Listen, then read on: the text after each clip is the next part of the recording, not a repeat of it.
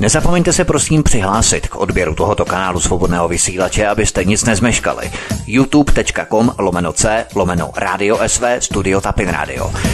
Dejte si prosím odebírat tento kanál kliknutím na červenou ikonku v horní pravé části obrazovky s nápisem odebírat a zaškrtněte také symbol zvonečku, abyste byli informovaní o nahrání každého nového pořadu.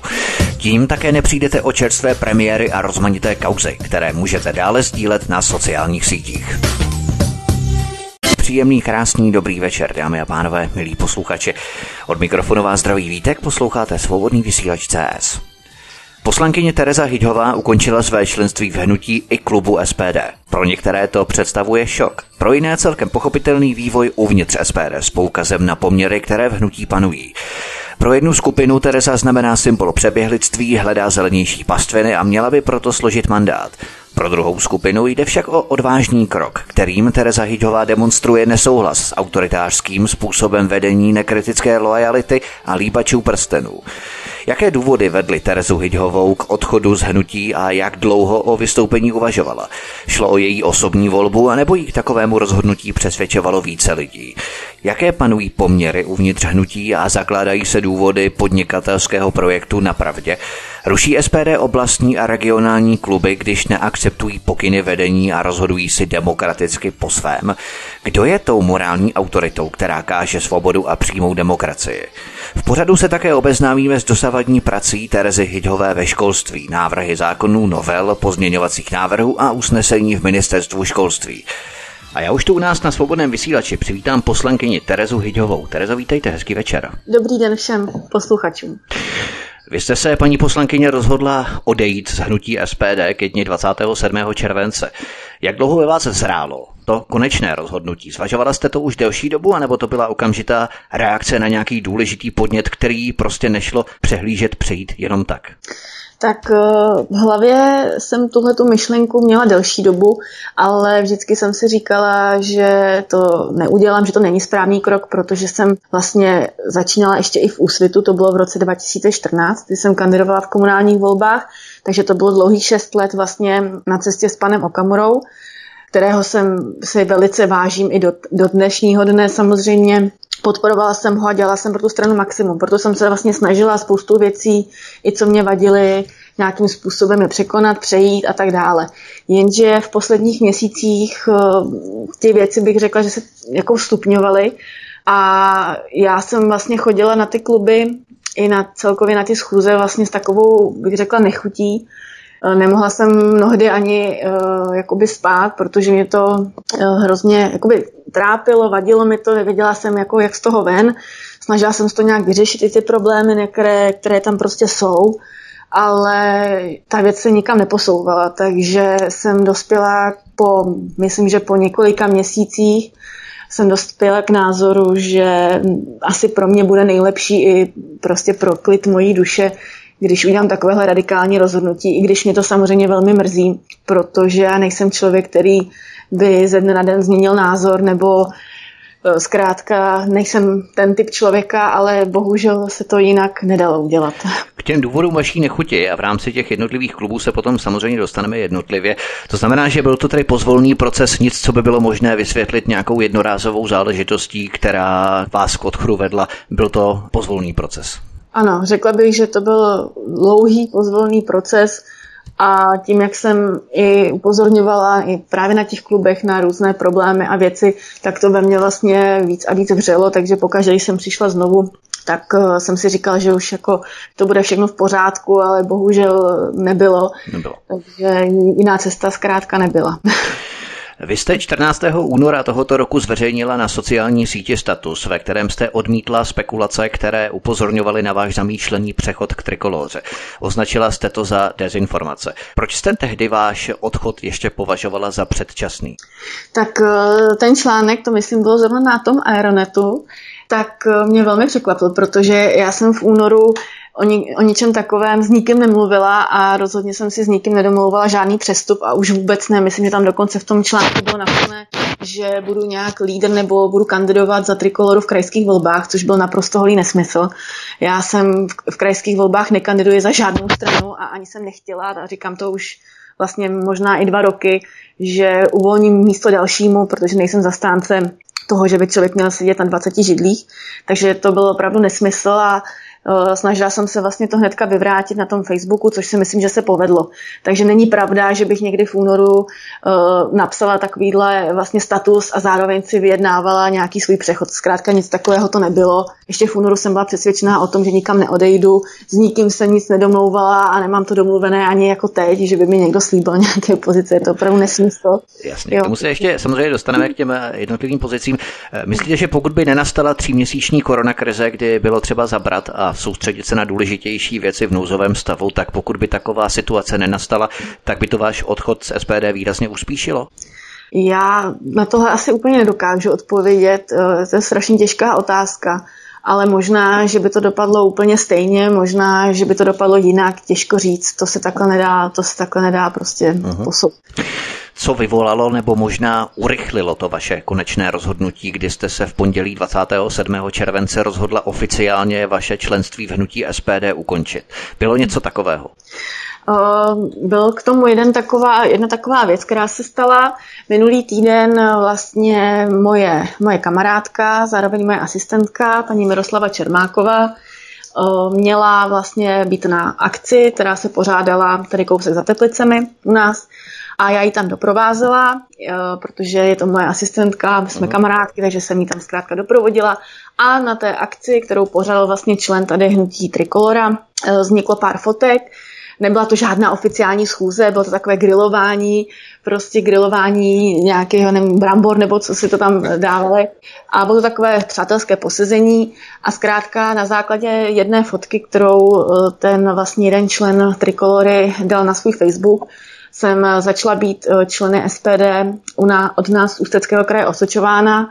Eh, vlastně byla jsem i nazvána zrádkyní, že jsem zradila SPD, padaly Jenom tam... to, že jste se účastnila na grilování trikolory? Ano, tam vlastně ani z toho jakoby nebylo zřejmé, že, nebo každý člověk si musel z té fotky říct, že to není žádná schůze, tam byli lidi v tričkách, že jo, uh, fakt to bylo venku, z posezení venku u jídla a tak dále, takže z toho ani jako nebylo, že by to byla nějaká schůze, jo, to opravdu jako nesmysl. Ano, takže... neformální v podstatě. Ano, no to neformální přátelská akce, navíc já se s těmi lidmi z trikolory některými znám ještě před, ještě před uh, jako mojí politickou nějakou kariérou, takže mi to přišlo jako, ne, ne, nevidím důvod, proč bych tam jako nemohla jít si s někým posadit a dát si prostě skleničku vody nebo něco podobného.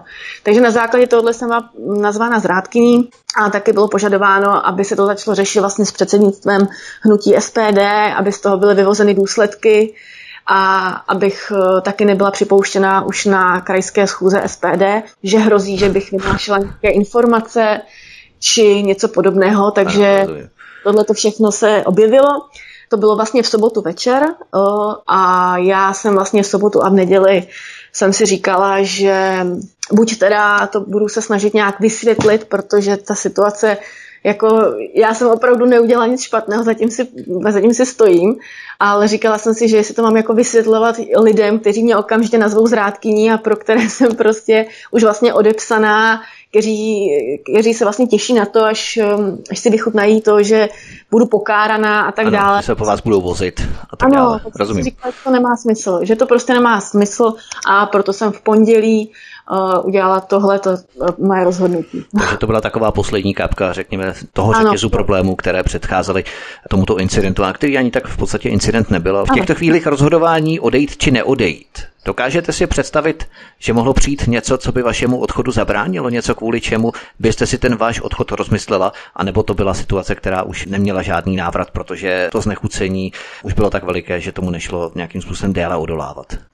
Já si myslím, že kdyby někdo z těch členů, kteří mě tam začali okamžitě osočovat, zvedl telefon, zavolal mi, protože mají všichni na mě telefonní číslo samozřejmě, nebo mi napsal do soukromé zprávy a zeptal se mě alespoň, z jakého důvodu jsem tam byla přítomna, nebo co to bylo za akci, já tím to vysvětlím, nebo kdyby mě někdo prostě vyzval k tomu, abych to vysvětlila, tak já bych to ráda udělala. Myslím, že by se to obešlo bez nějakých eh, následků, protože opravdu jsem nic špatného neudělala, mám čisté svědomí a asi bych eh, to pondělní rozhodnutí takhle neuspíšila. Ale tím, že, jak říkám, jsem byla opravdu okamžitě dehonestována a myslím, že tam padala i trošku jako prostší slova na moji osobu. Hmm. A, trošku... a to bylo na sociální síti, abychom si to mohli třeba ověřit? Vlastně v chatu, skupinový chat na Messengeru, kde jsou vlastně, kde jsou členové vlastně všech jakoby vedení okresních klubů a zkrátka prostě z Ústeckého kraje všichni jakoby lidi, kteří se podílejí na tom kraji, takže tam já jsem taky byla jakožto poslankyně, že jo, hmm. a, a tam mě vlastně začaly osočovat, nebyl to jenom jeden člověk, těch lidí tam bylo víc, já jsem potom z toho chatu odešla a už nevím, co se tam psalo dál a upřímně to ani nechci vědět, protože mi to takhle stačilo. Vy jste se rozhodla pro váš odchod tři měsíce před krajskými volbami, ve kterých ale nekandidujete, pokud mám správné informace, ale rok před parlamentními volbami. Je to záměrné načasování, kdy tím v podstatě dokazujete autenticitu nebo pravdivost toho vašeho přechodu, protože vy byste mohla pěkně v klídku dosedět, doklepat ten váš mandát, už vám zbývá jenom rok, tak sekat latinu v SPD, ale jenže vy jste se odmítla zařadit do stáda. Někdo by se mohl zeptat, stálo vám to vůbec za to ten rok před volbami? Uh, takovouhle otázku nejste asi první, kdo se mě na to ptal. A právě, že spoustu lidí mě nazývá nějakou, jakože že přeskakuju někam kvůli nějakému místu, pozici, kdo mi něco nabídl. Myslím, že i z SPD vlastně z jejich zprávy jako reakci na můj odchod něco takového zaznělo. No, no, ale se dostaneme. Já jsem určitě neměla v plánu a věřte tomu, že když jsem něčemu věnovala 6 let, vlastně od mého útlého mládí, a myslím si, že jsem teda stále mladá, tak eh, opravdu nejsem ten typ člověka, který teďka by šel a vlastně zkazil něco, na čem jsem vlastně sama já pracovala a na čem si myslím, že nesu velký tak jako podíl nějakého úspěchu. Takže to určitě nebylo v plánu, že skončím tři místě před volbami, kterých teda ani nekandidu. A ten rok před parlamentem máte pravdu, že si někdo může říct, jo, jo, ta vlastně to mohla vydržet, mohla mlčet, anebo si taky někdo vlastně může říct, jo, jo, rok před parlamentem, to má něco za to slíbeného a podobně, to už jsem si taky přečetla, ale ani jedno z těch věcí není pravda, protože člověk žije každý, každý den, každý den se zbudí, každý den jde spát a má určité myšlenky, dějí se, každý den se dělá, děje nějaká prostě, ně, něco se děje. Uh-huh. A věřte tomu, že kdyby vlastně se člověk měl těch 365 dní pořád vlastně utápět v nějakých problémech, neustále řešit problémy a ty věci, s kterými prostě nesouhlasí, tak to taky prostě není jako dobré. Takže je lepší se prostě asi zvednout a odejít, odejít než jako něco někde vytrpět nebo dělat něco na 50% jenom proto, abych to jako vydržel Jo, to si myslím, že úplně není jako správný. Navzdory tomu, co jste odmítla předem, tak se přesto zeptám. Spatřujete vaše angažma v trikoloře perspektivní z pohledu vašeho uplatnění v parlamentních volbách příští rok? Já si myslím, že to je zatím předčasná otázka, protože ještě nejsem ani členem trikolory. V pondělí jsem poslala vlastně rezignaci, takže teďka čekám, jestli mi přijde nějaká oficiální odpověď z hnutí SPD, tedy že nejsem členem že to bylo úspěšně vyřízeno, zatím nic takového jsem neodržela, nebo musela bych se teď podívat, ale ničeho jsem si zatím nevšimla.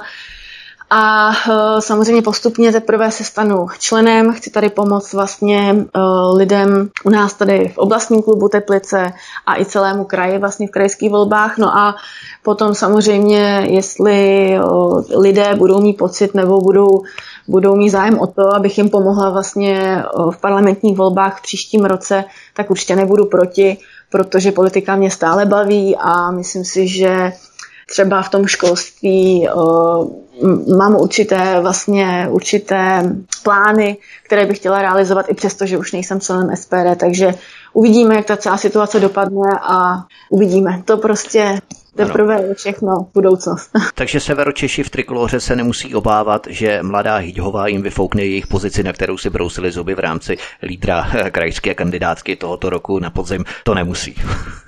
Určitě jsem nikomu nepřišla uh, něco sebrat a to bych byla nerada, kdyby to takhle někdo cítil, ale jak říkám, pokud uh, samozřejmě z mojí strany ten zájem by byl, abych znovu kandidovala i jako lídr do parlamentní voleb, jelikož už jsem lídrem byla, tak budu za to moc ráda, za to, že mě ty lidé podpoří v tomhle. Pokud ten zájem samozřejmě nebude a domluvíme se nějak jinak, tak to pochopím a takový... Ale na prostě- bázi demokratické volby v podstatě. Ano, Pokud si vás budou přát, tak určitě. Eh, to budete nikoli, že byste vy sama bažila po nějaké podobné funkci. Všechno prostě má nějaký význam, všechno má nějaký čas, takže uvidíme, jak to bude probíhat dál.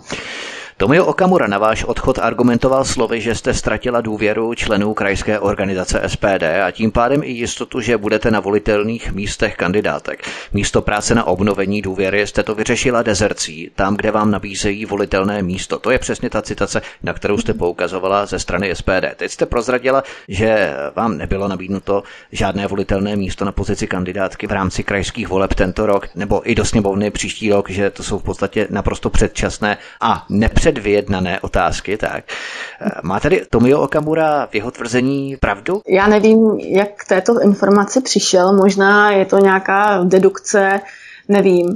Ale to, že jsem odešla na základě toho, že nemám důvěru v eh, vlastně krajské organizaci, není pravda.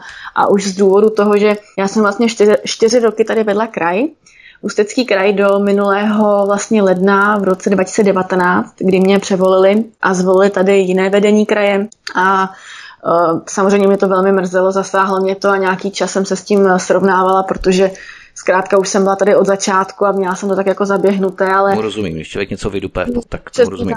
Tak, hodně mě to mrzelo, to nebudu lhát, ale to myslím, že by mrzelo asi každého. Ale vzala jsem to tak, jak to je. A snažila jsem se pracovat ve sněmovně a pracovat tam, kde mě bylo potřeba. Takže to rozhodně není důvod, eh, proč jsem odešla, protože kdyby to důvod byl, tak už bych asi odešla v minulém roce protože hnutí Trikolora vzniklo samozřejmě v minulém roce, že jo, takže jsem mohla klidně odejít už vlastně před rokem a já jsem to neudělala, protože jsem nechtěla, protože jsem SPD fandila, věřila jsem tomu a určitě to není tento důvod. Vzhledem k té vaší kariérnosti, na kterou poukazuje Tumio Okamura, já si pamatuju na sjezd SPD v červenci 2018, kde Miloslav Rozner odstoupil z pozice místo předsedy hnutí SPD a rozhodovalo se mezi vámi a Radovanem Víchem. Vy jste nakonec tu funkci místo předsedkyně hnutí SPD odmítla a přenechala jste jí Radovanu Výchovy. Doznala jste, že vaše zkušenosti se zatím nemohou rovnat takové zodpovědné funkci a tak jste právě z takových důvodů to místo odmítla. Není tohle spíš známka vašeho, řekli bychom, týmového politického taktu, než přehnané ambice? Já bych to dáme trošku poupravila, protože eh, předsednictvo SPD je, struktura je předseda, místo předseda a pak jsou vlastně členové předsednictva, takže já jsem vlastně kandidovala nebo Člen předsednictva, tak. No, no, do předsednictva, přesně uh-huh. tak. A ono to, to je ještě trošku zajímavější, protože já jsem vlastně jako jediná, doufám, že se nepletu, ale myslím, že to takhle bylo, jsem dostala vlastně nominaci z kraje. Mě vlastně nominoval celý Ústecký kraj vlastně na konferenci. Jednohlasně, myslím, že doufám, že to já nevymýšlím, ale podle mě to tak bylo. Zkrátka většinově, nevím jestli jednohlasně, ale většinově jsem byla navržena na, vlastně na člena předsednictva, takže to nebylo, že bych já sama někam přišla a spala se někam do nějaké funkce, to opravdu není pravda.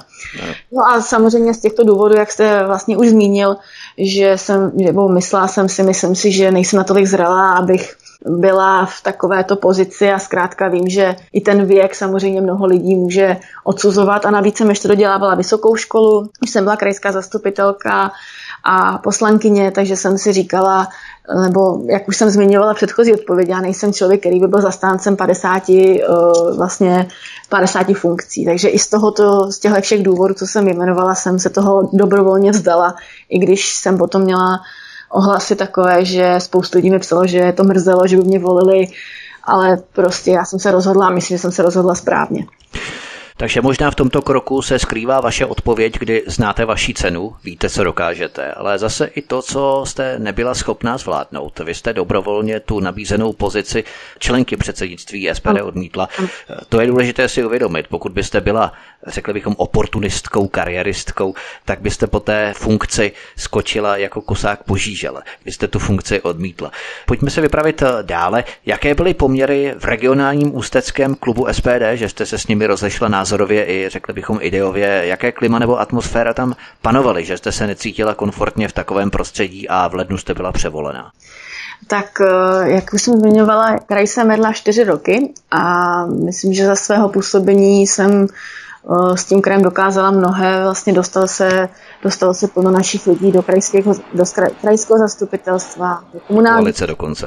A, ano, vedoucí koalice, neříkám, to není úplně asi moje zásluha, ale zkrátka prostě ty volby dopadly vždycky dobře, i samozřejmě parlamentní volby, i když jsem byla vlastně lídrem kandidátky, takže se ne, nemůže mluvit o tom, že bych byla tady v těch vlastně věcech nějak jako neúspěšná, to si myslím, že není pravda.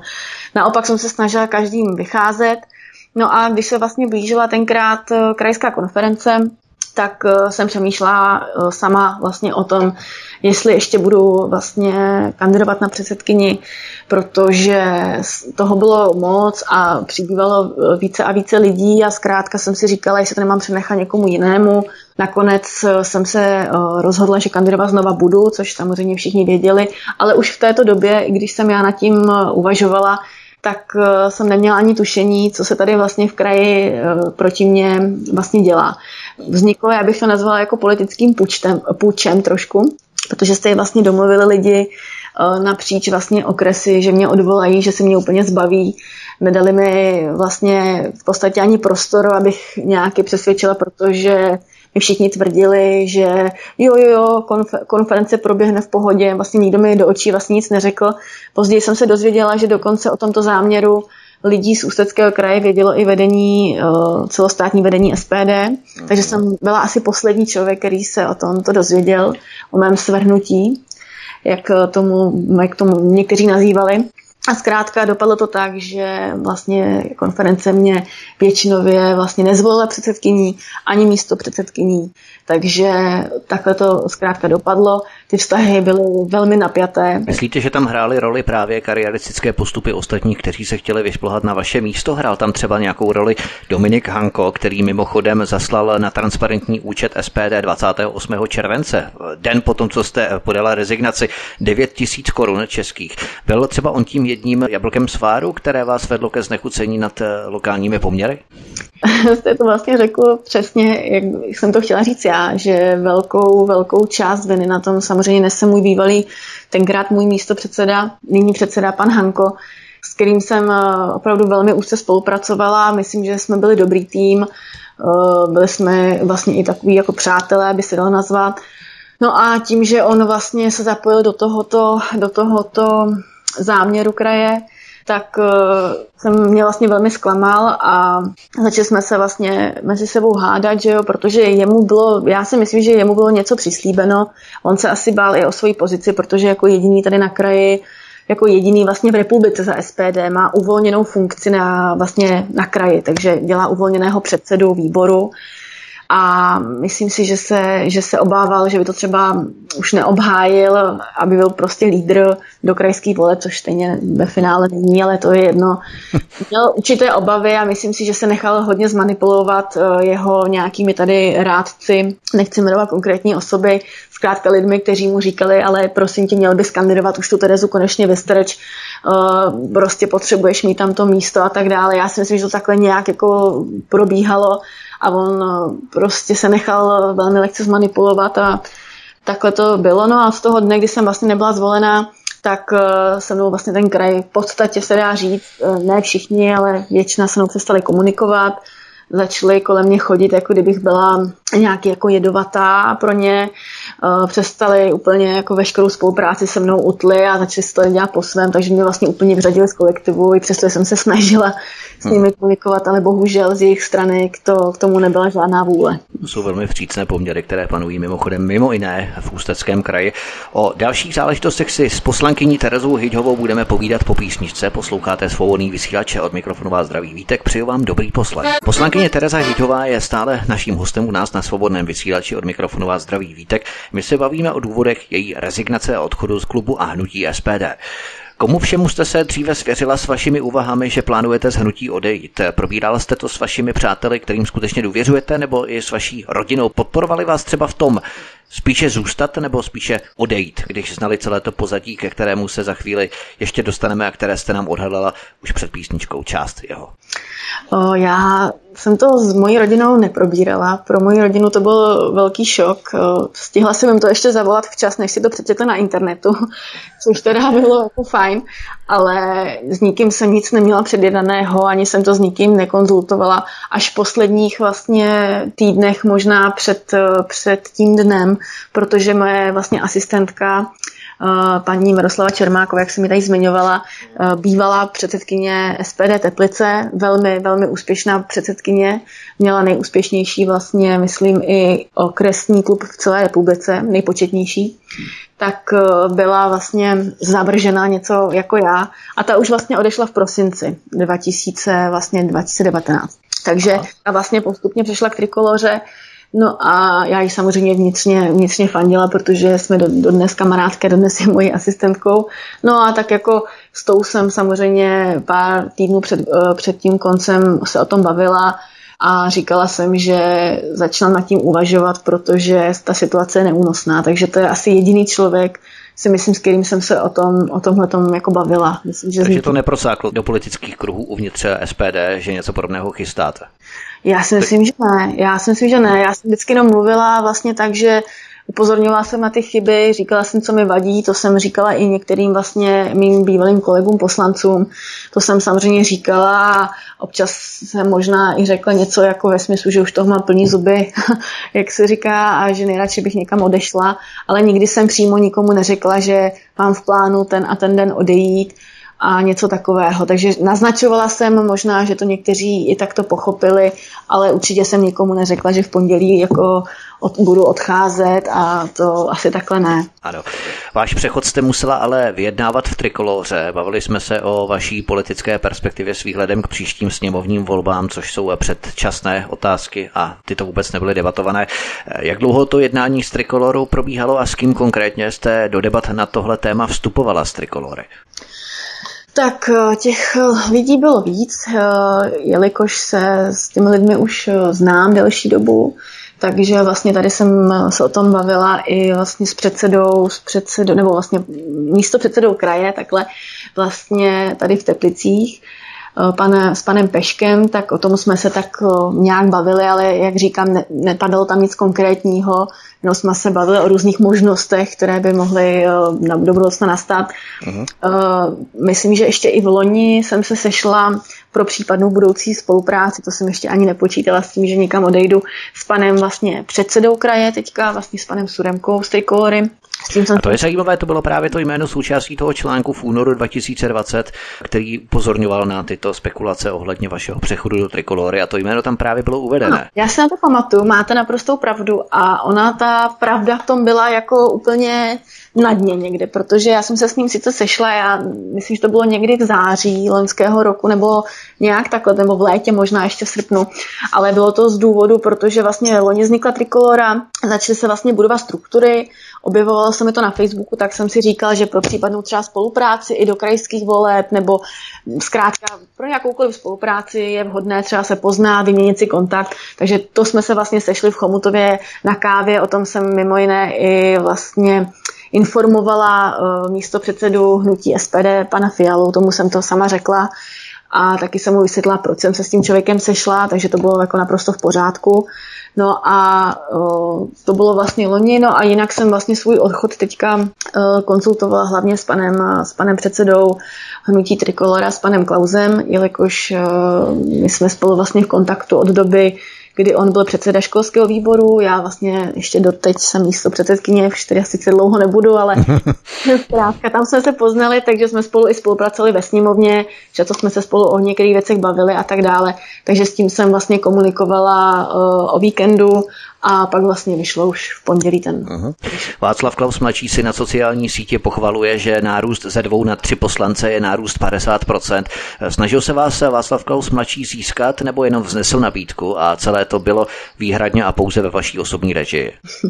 Eh, pan Klaus vlastně, nechci říct úplně, já nemohu říct to slovo, ale už od loňského roku, od vzniku Trikolory se mě občas zeptal nebo říkali, se tím neuvažuju o přestupu a vlastně nabízel mi spolupráci a tak dále, takže jsme se o tom bavili už několikrát. Já mu vždycky odpověděla, že ne, že zůstanu věrná trikoloře a teda pardon, trikoloře SPD, zůstanu věrná SPD. Jasně. No, víte, teď už, teď už se pletu, ale zůstanu věrná SPD, že jsem vždycky říkala, že ne, že nikam nepůjdu, ale že mu jakoby přeju hodně úspěchu a štěstí. No a vidíte, že eh, zkrátka, jak se, jak člověk eh, míní, pán Bůh mění, tak eh, zkrátka jsem dospěla k názoru postupem času, že ten můj odchod asi je nutný a proto jsem se spojila i s panem Klausem, a protože jsem věděla, že on by určitý vlastně zájem o to měl, protože vlastně každý poslanec, který by přešel do trikolory, samozřejmě pozitivum, že jo. Vystoupila byste i tak spektakulárně z hnutí SPD, i pokud byste neměla nabídku přechodu rovnou do trikolory. Ta podmínka přechodu do trikolory byla nějakou rozhodující věcí, pro kterou jste se rozhodla z SPD vystoupit. Učinila byste i tak v případě, pokud byste se s trikolorou nedohodla? Vystoupila byste i tak? Na tuhle otázku jsem taky sama, sama vlastně sobě přemýšlela, jestli bych odešla. A dospěla jsem k tomu, že ne ale to není z důvodu, že, jako říkám, přeskakuju do jiné strany, ale ono to dává určitou logiku, protože jsem byla za něco zvolená, za nějaké prosazování některých bodů eh, co jsem vlastně tady i obhajovala a bude obhajovat dál.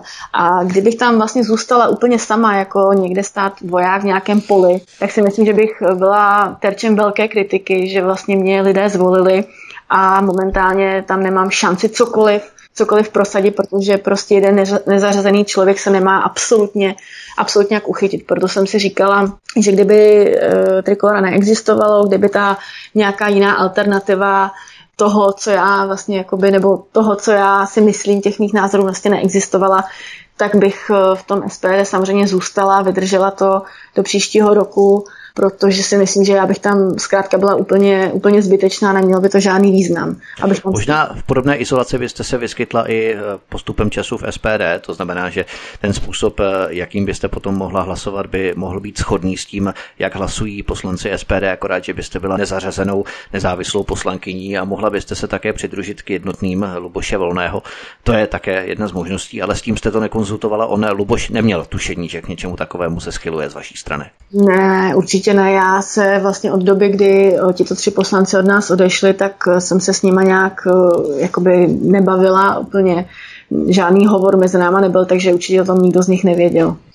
Existuje v hnutí SPD nějaká skupina frakce poslanců, která je dlouhodoběji nespokojená s hierarchií a komunikací uvnitř hnutí a stejně jako vy dříve, tak i oni dnes zatím jenom sbírají odvahu k odchodu z hnutí?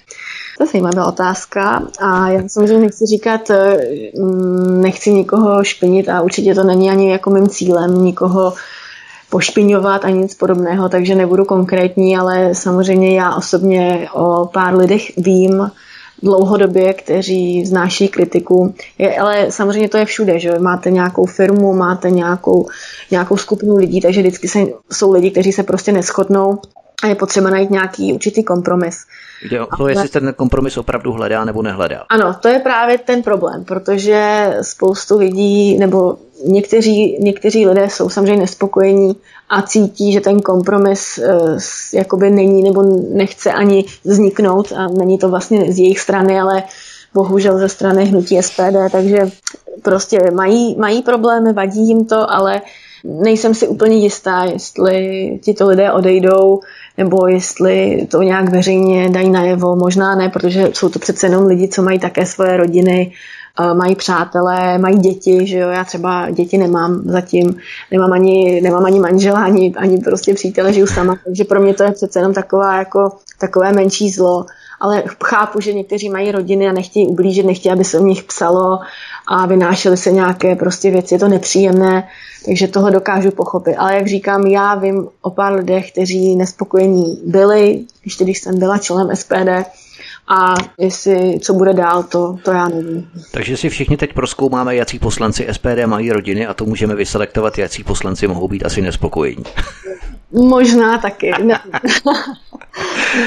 Myslíte, že letošní krajské volby se stanou takovou generálkou nebo jakýmsi rozřazovacím kolem a podle úspěšnosti jednotlivých krajů se vedení SPD rozhodne, zda poslance SPD spadající pod ty dané kraje postaví příští rok jako lídry do čela kandidátek sněmovních voleb 2021. Jinými slovy, ne každý poslanec se stane lídrem do sněmovny a je to odvislé od úspěšnosti kraje toho poslance letos na podzim. Mhm, rozumím vaší otázce. Já teda upřímně nevím, ani vám nedokážu říct, kdo v jakém kraji teďka bude vlastně lídr do krajských voleb. Já ty informace úplně, úplně nemám. Jenom z některých... Nejde ani tak přímo o lídrovství toho poslance, jako spíš uh, kraj, pod který on spadá. A pokud ten jeho kraj nebude úspěšný, tak uh, to znamená jeho automatickou stopku jako jeho nominaci lídra do příštích voleb těch jednotlivých krajů. To samozřejmě takhle vám neřeknu, nevím, možná to bude hrát nějakou roli, možná i větší nějakou roli těžko říct, ale to už je potom asi na předsednictvu hnutí, jak si to určí, ale pokud samozřejmě by tam byl nějaký velký neúspěch, tak uh, bych předpokládala, že ten člověk um, zkrátka nemůže, nemůže být lídrem do sněmovny a um, nevím, nejsem si jistá, jestli by to je, je to pravé ořechové pro tu politickou stranu, že aby vedl člověk, který je neúspěšný.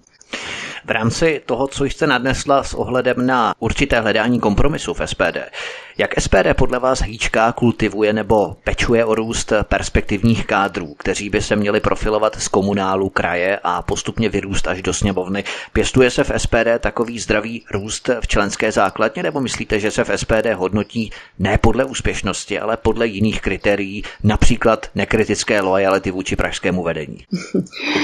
To je taková zvláštní otázka. Já totiž jeden z mých důvodů, proč jsem vlastně odešla, je taky to, že mi hodně vadilo, že vlastně SPD nemá odborníky v jednotlivých, v jednotlivých oblastech.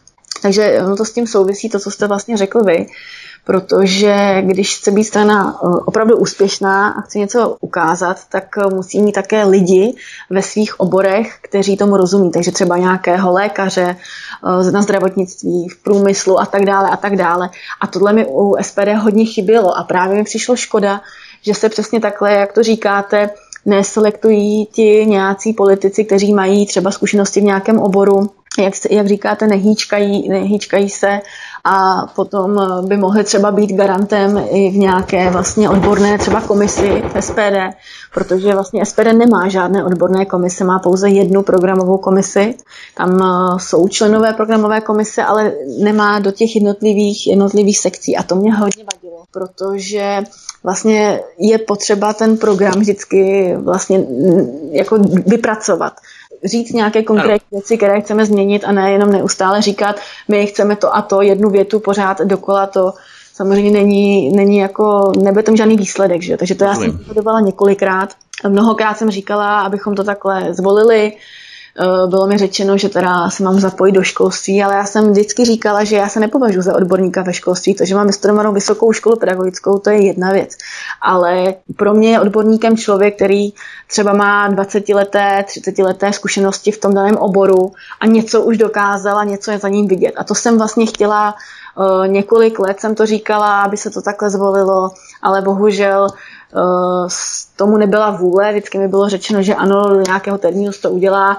Vlastně se to nikam neposouvala, neposouvala jsem vlastně pochopila až potom, že oni vlastně ten zájem nebyl o to, aby se něco takového vytvořilo, hmm. protože kdyby ten zájem byl, tak uh, už to mohlo být uh, dávno samozřejmě a ne až jako tři roky po vstupu do sněmovny té strany. Prostě tohle mi o tom, um, u té strany hodně chybělo a to je taky jeden z důvodů, proč jsem odešla, protože já nejsem člověk, který by vlastně říkal nějaká hesla a na tom jako chtěl něco stavit. Ty věci je potřeba říkat jako do detailu a mít vlastně v tomu, k tomu nějakou odbornou prostě nějaký, nějaké pilíře a říkat lidem taky, jak, jak to uděláme, jak to řešení proběhne. Máme na to tady ty vlastně odborníky a tak dále a tak dále, ale bohužel říkám, k tomu nebyla vůle a je to strašná škoda. A právě třeba hnutí Trikolora, na Čech jsem loni taky upozorňovala, už vlastně při svém vzniku, měla komise odborné v jednotlivých sekcích. Garanty pro jednotlivé odvětví, ano, ano to si pamatuju. Přesně tak, garanty pro netová odvětví. A to jsem přesně takhle dávala i za příklad. Já si to pamatuju, jak to bylo včera, jak jsem říkala na tom klubu nebo na grémiu, teď nevím, kde to bylo, ale říkala jsem, že, ta hnutí, že hnutí Trikolora to má moc hezky udělané a že bychom se tím měli inspirovat ale jak vidíte, je vlastně rok po tom, co jsem to říkala, protože to by někdy bylo přesně v této době v loni a nic se nezměnilo. A to prostě je, si myslím, že to je špatně tohle. Když uvažujeme nad tím, co jsme předtím spekulovali a co jsem se vás ptala, vy jste nechtěla ani nemůžete být konkrétní, zda existuje nějaká frakce poslanců, kteří jsou dlouhodobě nespokojeni s vedením a řekněme komunikací uvnitř hnutí SPD. Co ty poslance v hnutí SPD stále drží, zda je to lojalita, možná ideologie, nebo se chtějí zalíbit vedení, nikdo neví. Ale mohou tam hrát roli i další nátlakové metody, které jim v tom odchodu mohou bránit? Tak eh, to úplně nevím, protože nic takového konkrétního jsem úplně neslyšela. Jenom vím, že možná v tom hraje velká, velkou roli, říkám to, že má ten člověk rodinu, určitá lojalita určitě taky. A nevím, možná i ta ideologie, těžko, těžko říct, ale hmm. jako by že by byly použity nějaké takovéhle metody, to, to, to opravdu nevím. Jako, to nechci, nevím. Takové jsem ještě... nikdy vzdělání neslyšela. Ano, rozumím. Chci se vás ještě zeptat v rámci definování těch problémů, které se v hnutí vyskytovaly postupem času. Byla jste nucená třeba krýt věci, za které byste se nikdy v životě nepostavila, ale nutila vás k tomu právě lojalita nebo vnitřní stanovy krýt věci, které považujete i za hranou slušné politiky.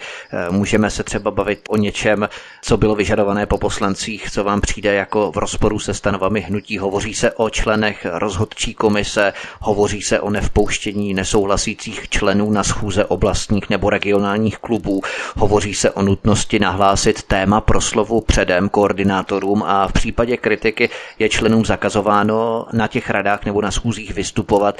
Můžete něco z toho potvrdit, anebo mám špatné informace? O, tak o, na každém šprochu pravdy trochu, jak se říká. Ono to asi úplně není tak, jak jste to jakoby řekl vy, ale jak říkám, něco, něco na tom pravdy je. Já jsem právě byla ten člověk, který nikdy jakoby nesouhlasil úplně se vším, prostě jenom proto, že jsem členem této strany, tak budu mlčet a držet krok. Ale spíš jsem vždycky vyjádřila svůj názor a i když byl jako kritický a negativní, tak jsem ho řekla. A samozřejmě taky na mě padala určitá kritika, že, jo, že prostě neustále mám nějaké jako problémy k něčemu a podobné věci, ale já si myslím, že na problém je nutné jako upozorňovat a říkat si je ale tohle to, že někde problém prostě vznikne a my budeme dělat, že ho nevidíme, nebo že jako nevíme, jako co teda s tím, tak to se mi nelíbí. Takže já jsem vždycky na všechno upozorňovala a jak říkám, taky spoustu lidí mě možná kvůli tomu nemělo rádo, protože já prostě nejsem typ člověka, který by opravdu někde mlčel a už vůbec bych nikdy nezamlčovala něco, jako co by bylo jako nějak nekalého nebo možná i protiprávního a podobné věci. To u mě jako určitě nehrozí. Vedle zrušení a znovu obnovení oblastního klubu Brno byl zrušený a znovu obnovený regionální klub Hradec Králové, ale nedávno byl zrušený oblastní klub Trutnov a velmi čerstvě dokonce celý regionální, čili krajský klub České Budějovice, pokud mám tedy správné informace. Ale mnoho lidí odchází z mnohých stranických buněk hnutí po celé republice. Jaký to na vás dělá dojem? V žádné jiné straně takový masivní odliv neprobíhá v takovém měřítku. Jsou ty informace založené na pravdě? Tak o tom, že tyto organizace byly eh, zrušeny, tak o tom samozřejmě informace mám. Eh, vím, že v Brně například tam byly dlouhodobé problémy, ale do žádných problémů já jsem úplně neviděla, jenom jsem měla informace od lidí, kteří tam vlastně v těch organizacích jsou, takže já to nemůžu úplně objektivně ano. posoudit. Já jsem spíše narážel na to, že podezřele velký počet klubů byl zrušený i čerstvě, mm-hmm, což to, je zajímavé. To máte pravdu.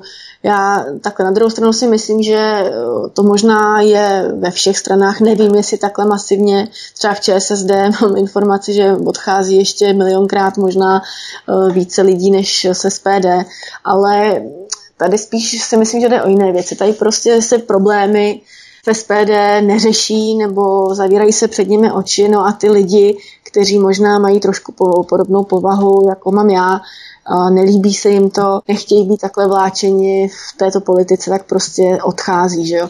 Takže z těch lidí samozřejmě je v poslední době víc, to asi máte určitě pravdu. Možná tu otázku modifikuji lehce, přeformuluji. SPD ústy Tomio Okamury tvrdí, jak přibývá členů, že válcují konkurenci. Ale před dvěma lety v příspěvku zveřejněném 4. května 2018 v 9 hodin ráno je uvedené, že SPD má přes 12 000 členů, konkrétně 12 331 členů. Zatímco v článku o dva roky později v deníku E15 zveřejněném 20. července 2020 v 9 hodin 43 minut se praví, jak SPD válcuje ostatní strany s počtem členů, a teď chvilka napětí, 6,5 tisíce, tedy o polovinu méně, než se Okamura chlubil v roce 2018. Mám tady na pačlánky odkazy. Jeden z těch dvou výroků je tedy vylhaným. Buď ten v roce 2018, anebo teď v roce 2020. Jak je to tedy ve skutečnosti s členskou základnou SPD? Eh, máte alespoň hrubou představu o tom, kolik má SPD ve skutečnosti členů? Tak uh, úplně jako představu nějakou určitě mám, ale tím, že vlastně roka půl už nejsem krajská předsedkyně, když jsem vlastně k těmto věcem měla i přístup a jako byla jsem uh, jakoby více v tom více v tom prostě zaangažovaná, takže jsem měla větší přehled, takže momentálně ten přehled už jsem vlastně roka půl úplně neměla, takže nedokážu, nedokážu říct, jestli to bylo 6 tisíc nebo 20 tisíc, ale nejsem si jistá, jestli... To je docela dost velký rozdíl totiž. Hmm. Pokud bychom se bavili o jednotkách nebo desítkách, budiš, ale tohle je docela podstatný rozdíl. Souhlasím, souhlasím s vámi, ale možná, že v tom vlastně v těch předešlých letech, těch 12 tisíc, nejsem si jistá, jestli pán Okamura neměl na mysli podaných přihlášek. Jako protože vlastně v SPD je dvoustupňové, nebo já tomu tak nazývám dvoustupňové členství. Vlastně nejdřív si podáte elektronickou přihlášku, jste členem čekatelem, tam máte vlastně dobu, kdy máte čekat maximální lhuta dva roky. Samozřejmě můžete být přijmutý i dřív z nějakých důvodů. No a pak se stáváte takzvaným řádným členem. Jo, takže já nevím, jestli tenkrát nebylo myšleno vlastně počet přihlášených nebo počet členů čekatelů. Je to možné, já vycházím pouze z toho, co Tomio Okamura sdělil, nikoli nevidím mu do hlavy, co on měl na mysli, protože on tam skutečně uveřejnil, že členů. 12 331 členů. Pokud měl na mysli přihlášek, měl to uvést, ale on to neuvedl. No ono je potom eh, trošku zavádějící, že jsou to vlastně eh, členové čekatele a žádní členové. Ale obě dvě ty skupiny jsou jako členové, takže ono těžko říct, jestli těch 12 tisíc opravdu nebylo členů čekatelů a těch 6 tisíc není jako řádných členů, ale říkám, ne, nevím, nevidím teďka do toho, ale těžko, těžko jako říct, jako možné to je, ale ne, nevím. Rozumím. My jsme se tu bavili o Mirce Čermákové, Černé, Čermákové, tak, eh, která odešla v prosinci 2019, což byla jedna z těch věcí, která vás přiměla k myšlence odchodu z SPD. Nebylo další kapkou podpora europoslance zvoleného za SPD Hinka Blaška, kandidáta Trikolory Zdeňka Peška v doplňovacích senátních volbách právě v Teplicích. Eh, Teplice jsou nedaleko vaší rodné Krupky, jsou eh, ve vašem teritoriu. Uspíšilo třeba i tohle vaše rozhodování?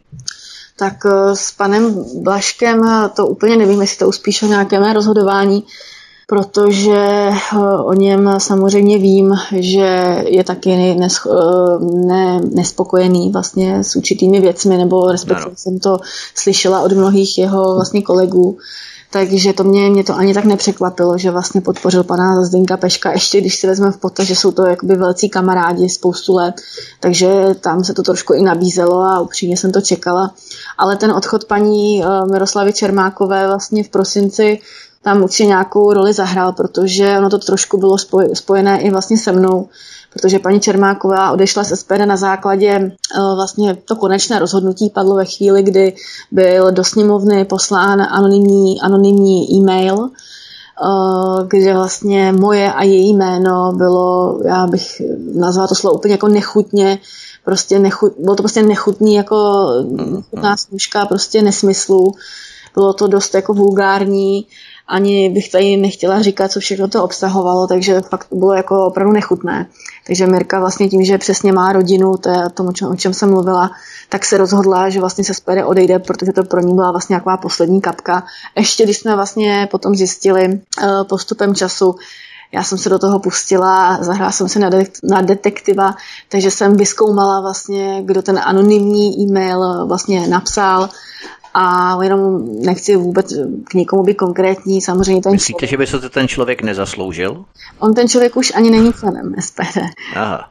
Potom vlastně jsme na něj tak trošku uhodili, snažili jsme se z něj vymámit, jako je, proč to udělal, jestli to teda udělal a on potom sám jakoby odešel, takže uh, není členem SPD a takhle se to pro mě tenkrát jakoby vyřešilo, ale každopádně paní jakoby Čermáková se rozhodla takhle, protože má děti a nechtěla, aby si něco četli vlastně o její mámě někde v novinách. Takže... No, no. Poslankyně Tereza Hydová zůstává stále naším hostem u nás na svobodném vysílači, ze kterého vás zdraví Vítek. Po písničce budeme pokračovat dále. Příjemný večer, dobrý poslech. Poslankyně Tereza Hydová je stále naším hostem u nás na svobodném vysílači, od kterého vás zdraví Vítek a my si povídáme o důvodech její rezignace, respektive odchodu z hnutí SPD. Dostáváme se k důvodům, které jste ve vašem prohlášení uvedla a které sehrály významnou roli ve vašem odchodu z hnutí SPD. Jaké konkrétní podnikatelské zájmy jste měla na mysli při formulaci vašeho prohlášení a důvodům, které vás eh, k odchodu z SPD vedly? Tak eh, to samozřejmě taky souvisí už v podstatě i s tím, co jsem říkala v předchozích odpovědích, protože já jsem to brala z toho pohledu, že když má někdo nějakou, nějakou třeba i firmu nebo něco vede, tak by přece měl chtít a je pro něj jako na prvním místě to, aby ten podnik nebo to, co on vede, bylo úspěšné, aby vlastně ty výsledky byly čím dál tím lepší. Nedovedu si představit, že by někdo vedl něco, co by chtěl, aby jenom stagnovalo na nějaké úrovni nebo aby to bylo, nedej bože, ještě horší. A z tohoto pohledu jsem právě usuzovala, že Eh, mně připadalo, že to SPD určitým, určitým vlastně smyslem jako stagnuje.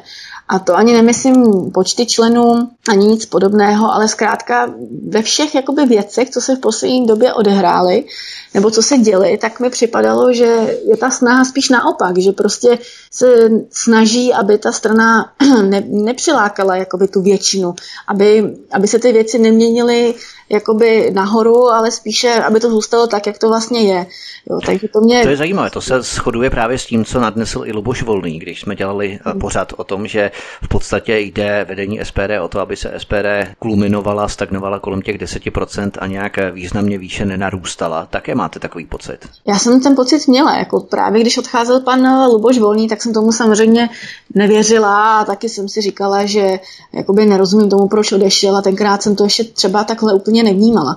Ale v, říkám, v posledních měsících i na základě právě toho, že jsem navrhovala několikrát, jak jsem říkala, už ty odborné komise a garanty odborných sekcích a podobné věci, tak eh, když mi nebylo vyhověno, tak jsem si říkala, jako proč, jak, jak, jaký je k tomu důvod. Protože přece spoustu lidí, kteří vlastně jsou třeba odborníky v jednotlivých věcech, by se třeba rádi k takové straně přidali, kdybychom je zaujali i nějakou, vlastně nějakým programem, který by se třeba týkal zdravotnictví a podobně. A samozřejmě by se k nám nabalovali i tito, tito lidé, že jo? protože samozřejmě každá strana politická chce mít ve, své, ve svých řadách lékaře, ředitele škola a podobně. Víte určitě, jak to myslím.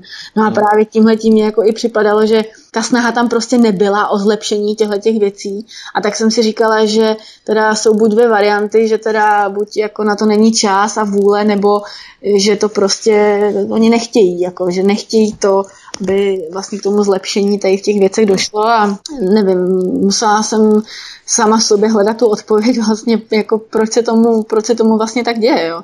Nevím, opravdu netuším. Abychom se vrátili k těm podnikatelským záměrům. U mnohých politiků je zcela standardní, že vedle své politické činnosti podnikají. V čem se liší Tomio Okamura nebo Radim Fiala jako podnikatelé od jiných politiků jako podnikatelů? Není to to tež? Já vím, že oba dva, jsou, oba dva jsou podnikatelé, samozřejmě, že podnikají. Nevím přesně, co dělá pan Fiala, to se přiznám, že jako nevím přesně jeho nějakou činnost a tak dále. Vím, že pan Okamura taky podniká vlastně v nějakém cestovním ruchu ale mně jakoby spíš připadalo, že tím, že mezi sebe nechtějí vlastně v tom SPD jakoby pouštět lidi, jak bych to řekla, protože třeba Trikolora má vlastně každého předsedu kraje jakoby v předsednictvu, takže tam se schází vlastně celostátní předsednictvo, kde jsou vlastně členové jednotliví předsedové těch krajů. A tohle vlastně v SPD vůbec nefunguje. Tam vlastně je jeden místo předseda a jeden předseda. Trikoloři uh-huh. těch místo předsedů je, teď nevím, zkrátka jich je víc. A tohle mi taky přišlo takové trošku jako zvláštní, protože členové předsednictva těch je taky jako málo a rozhodovat takhle o celé republice, to mi přišlo jako zvláštní, takže z toho jsem jako hmm. ucítila, že to je určitá taková jako, nepřišlo mi to správné, já si myslím, že demokrat... Příliš mnoho moci je v centrálních rukou příliš úzké skupiny. Přesně, protože když vlastně je to strana, která má vlastně i v názvu přímou demokracii, tak eh, z toho člověk musí usoudit, že přece to referendum a všechny tyhle ty věci, které s tím souvisí, tak vlastně to funguje i v té straně a z toho se pak odvíjí ta celostátní politika, že jo, kterou ta strana prosazuje. Ale ono, jako z mého pohledu, to takhle úplně není, protože jako když rozhoduje opravdu takhle malý počet lidí o celé straně, tak to potom znáší jako trošku, trošku jiné světlo na tyhle ty jako věci. Takže mně to prostě přijde jako takový, takový jakoby mm, podnik, který vlastně vedou tito lidé a nepustí tam někoho jiného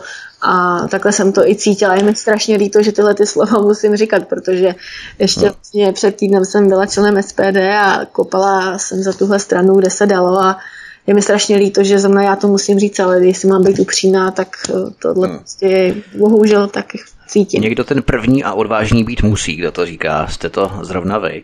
Historie ukáže, zda jste dělal dobře nebo ne. Myslím, že to vaše vystoupení je opravdu velmi odvážné. Vede vás něco třeba k přesvědčení, že vstup některých lidí do politiky v rámci SPD byl podmíněný touhou znásobit své zisky a rozšířit podnikatelské aktivity nebo řekněme portfolio. Jinými slovy, jak si podle vás politikou může někdo pomoct v biznisu? Z pohledu SPD samozřejmě. Mm-hmm. Já jsem to spíš myslela úplně jakoby jinak. Ne, že si oni tím zvyšují nějaké, nějaké peníze. Jak říkám, já jsem ale teďka mluvila o panu Okamurovi. O, o panu Fialovi já nevím, v čem přesně podniká, takže tam úplně jako nevím, nejsem si jistá a nevím, jakým způsobem jeho podniky jsou vedeny a tak dále. Ale... Myslím, že je to bezpečnostní agentura a uklízecí firmy, hmm. ale on prý se vzdál stejně jako Andrej Babiš svého postavení šéfa a ty firmy jsou ve svěřenském fondu, mám takový pocit, SP Service a tak dále. Ano, ale to ponechme stranou. To jsem slyšela, ale já jsem to spíš myslela tak, že oni si spíš dělají jakoby ne svůj biznis, aby jim to přenášelo, ale že tu stranu vedou jako svůj podnik, který prostě, aby oni byli jakoby vidět, aby není to rozhodně tak, že by to bylo nějaké hnutí občanů, kde všichni máme stejné slovo a jsme před sebou jakoby rovnoprávní, ale hmm. spíš jsem cítila to i na těch klubech, že jako nebyl prostor v podstatě ani tolik pro to, aby členové vlastně nebo poslanci tam cokoliv řekli a když jsem vlastně několikrát i navrhovala, aby ten klub třeba začínal dřív, že se tam prostě nestihnou probrat třeba ty některé zákony. A já jsem měla spoustu věcí třeba k něčemu, co jsem sama navrhovala a podobně, tak eh, mi bylo jako řečeno, že ten čas prostě takhle není a bylo mi odvěceno, tak se můžeme scházet třeba v pátek v 7 ráno a schválně takovou jako odpověď. Jasně. Na mě koukal jako skrze prsty a podobně. Jo. Takže to mi jako přišlo vždycky jako zvláštní, protože já jsem se snažila naopak pomoct tomu, aby to všechno bylo jakoby lepší, aby se ty věci zlepšovaly v těch věcech, které jsme třeba byli slabší jako strana. A to mně připadalo, že oni jakoby nechtějí, že nechtějí zasahovat do tady těch prostě věcí, že oni si to jakoby rozhodli, že to chtějí takhle a takhle to prostě bude. Jako. Takže proto jsem říkala, že je to takový jako podnikatelský záměr, vlastně jako firma, kterou vedou prostě dva lidi a takhle mi to prostě, jako takhle jsem to cítila, to je můj pocit. Rozumím. Chtěl bych se vás ještě zeptat v rámci těch zákonů, protože to mnoha lidem vrtá hlavou. Jaké důvody vedly hnutí SPD ke hlasování 16. června 2020 pro zřízení stále sněmovní komise pro boj proti tzv. hybridním hrozbám a dezinformacím? Když víme, že tuto komisi iniciovala Helena Langšádlová z TOP 09, Jakub Janda z Evropských hodnot a bojovnice za tzv. evropské hodnoty eurokomisařka Věra Jourová. Není právě tohle definitivní pohrdání vlasteneckými hlasy i voliči? Mm-hmm. No, samozřejmě, když to takhle říkáte, tak je to hodně asi k zamyšlení, ale já si teda musím přiznat, že už si přesně nepamatuju. Myslím, že jsme to i probírali na klubu, proč budeme vlastně pro tu komisi ve finále hlasovat. Možná, že i v tom hrálo roli to, že kdybychom byli vlastně jediný, vlastně jediný poslanecký klub, který by tam neměl zástupce, takže by se tam vlastně řešily uh, jako věci o nás, bez nás a tak dále. Tomu rozumím, ale to je právě jedna z dezinformací, kterou uvádí někteří poslanci SPD, protože KSČM také nehlasovali pro tuto komisi a svého zástupce tam mají. Jinými slovy, ti zástupci se tam delegují nezávisle na to, zda ti poslanci toho určitého klubu hlasovali pro nebo proti. Mm-hmm. Tak já jsem spíš cítila tento důvod, to byl takový jako moje, jako, proč jsem to já takhle vysvětlovala, ale pokud samozřejmě máte pravdu v tom, že pokud tam vlastně komunisti mají svého zástupce, i, protože, i proto, i když takhle o tom nehlasovali, tak samozřejmě to trošku mění situaci a v tom případě se přiznám, že nevím, možná, že jsme chtěli tenkrát ještě, když jsem byla za SPD, jsme chtěli být jako loajální, že teda proto budeme hlasovat, jako, že se zřídí komise a budeme tam mít zástupce. Možná, že eh, naše strana nevěděla, že tam toho zástupce mít bude, i přesto, že nedám pro to hlasovat. Já no, musím říct, že neráda bych se to zamotala, nevím. Myslela jsem si tenhle ten důvod prostě. A nelitujete toho, že jste se k vyslovení pro vznik této komise připojila i vy? Bylo třeba vydané nějaké doporučení poslancům SPD, aby pro tuto komisi hlasovali jednotně? Protože mě vyráží dech ta absolutní jednota poslanců SPD pro vznik této komise. Tam nebyl ani jediný člověk, který by hlasoval proti. Mm-hmm. No, já jsem vždycky byla, a to z toho aspoň vidíte, že jsem se vždycky snažila být loajální, proto tam ten můj hlas eh, je i ve spoustě věcech, s čím jsem třeba nesouhlasila, mnohdy jsem se zavřít oči, tak jsem hlasovala, ale jsou taky věci, které jsem eh, úplně nehlasovala, mnohokrát jsem si třeba vytáhla kartu, nebo jsem si i prosadila to, že se třeba zdržím hlasování a tak dále. Jo. Mnohokrát ta situace byla, ale zrovna u téhle komise prostě ne. Poslechla jsem poslechla jsem vlastně eh, doporučení nebo tu dohodu, jak jsme se dohodli, že budeme hlasovat a hlasovala jsem tam. Protože já jsem nikdy nechtěla být nikdy nějaký rebel, který prostě bude rebelovat. Já jsem se jenom snažila vlastně držet to, co jsem zvolená a slíbila jsem tenkrát vlastně lojalitu a tím jsem se držela, že jo, ale ve spoustě větech prostě jsem nesouhlasila a taky jsem to dala najevo a to prostě se jim třeba nelíbilo, že jo. Jaký je podle vás důvod založení nadačního fondu na pomoc afgánskému lidu poradcem Tomio Okamury Jaroslavem Novákem zvaným Večerníček 30. ledna tohoto roku spolu s koněm pražské havlérky Favadem Nadrim, předsedou Česko-afgánské obchodní komory, se kterým se Tomio Okamura setkal 26. února a následné založení mezi parlamentní skupiny Česko-Afghánistán, jejímž předsedou se stal právě Tomio Okamura 9. března, od 9. března. Jaký z toho máte pocit z těchto skutečností? Diskutovali jste to třeba nějak na klubu? Oh, tu vlastně to, že vznikne ta komise, eh, teda, eh, že vznikne vlastně, a, a vlastně ta, jak říkáte, jak tam je vlastně pan Okamura předseda, tohle to jsem věděla, tohle to spojení, on nám o tom říkal, taky říkal, že by vlastně, že by chtěl být jakoby předseda, že by to chtěl vést a tu meziparlamentní skupinu. Takže o tom jsem věděla. A to, co jste říkal, to druhé, to vlastně s eh, jeho panem vlastně porad. Ano, eh, Jaroslav Večerníček. Ano, to jsem... Eh, pardon, Jaroslav Novák. Ano, Jaroslav Novák, tím Večerníček a velmi jako velmi chytrý muž. Na jednu stranu jsem ho poznala opravdu velmi chytrý, ale já jsem si tohle to přečetla až v novinách, nevím, a v médiích, takže nevím, jestli se to probíralo na klubu a třeba jsem tam zrovna nebyla, já to bych se nechtěla jako vymýšlet, ale já jsem to určitě nikde předtím neslyšela. Já jsem si to přečetla až v médiích a to mi poslal vlastně můj kolega tenkrát, a abych se na to podívala, jako co to má znamenat. Takže to jsem mu vlastně tenkrát, no tenkrát je to pár týdnů, vlastně odepsala, že teda tomu vůbec nerozumím, že nevím, o co jde a byla jsem z toho taky překvapena. Takže o tomhle tom jsem já třeba konkrétně neměla tušení, ale nevím, jestli to je moje vina, že jsem třeba někde dala pozor, ale taky mě to překvapilo, to jako rozhodně hmm. musím říct. Hmm. Myslíte, že ten záměr je skutečně tak čirý, jak tomu je Okamura uvádí, že bude chtít vracet uprchlíky do Afganistánu a pomoci afgánskému lidu s eh, nějakými tramvajemi, nebo co on tam uvádí eh, v Kábulu?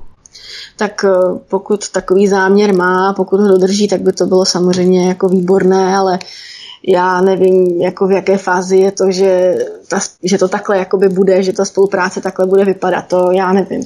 Pokud takový záměr má, tak já jako teďka je momentálně nezařazený poslanec bych to samozřejmě ocenila, protože to bude ku prospěchu, ale jestli to takhle bude, to se teprve samozřejmě ukáže asi v budoucnu.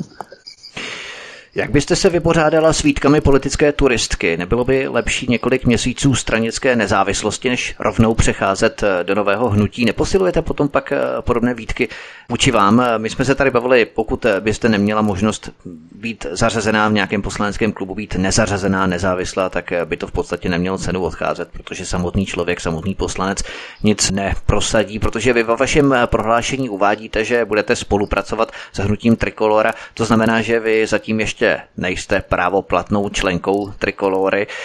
Vy tedy odmítáte tvrzení některých lidí, že SPD pro vás představovala odrazový můstek a když se začnou jevit podmínky jinde výhodnějšími, přeběhnete tam. Eh, jak byste těm lidem vysvětlila, že vaše pohnutky byly odlišné, že to byly poměry v samotné SPD, které vás k tomu odchodu donutily a že nejste politickým přeběhlíkem? Jaký je v tom podle vás rozdíl?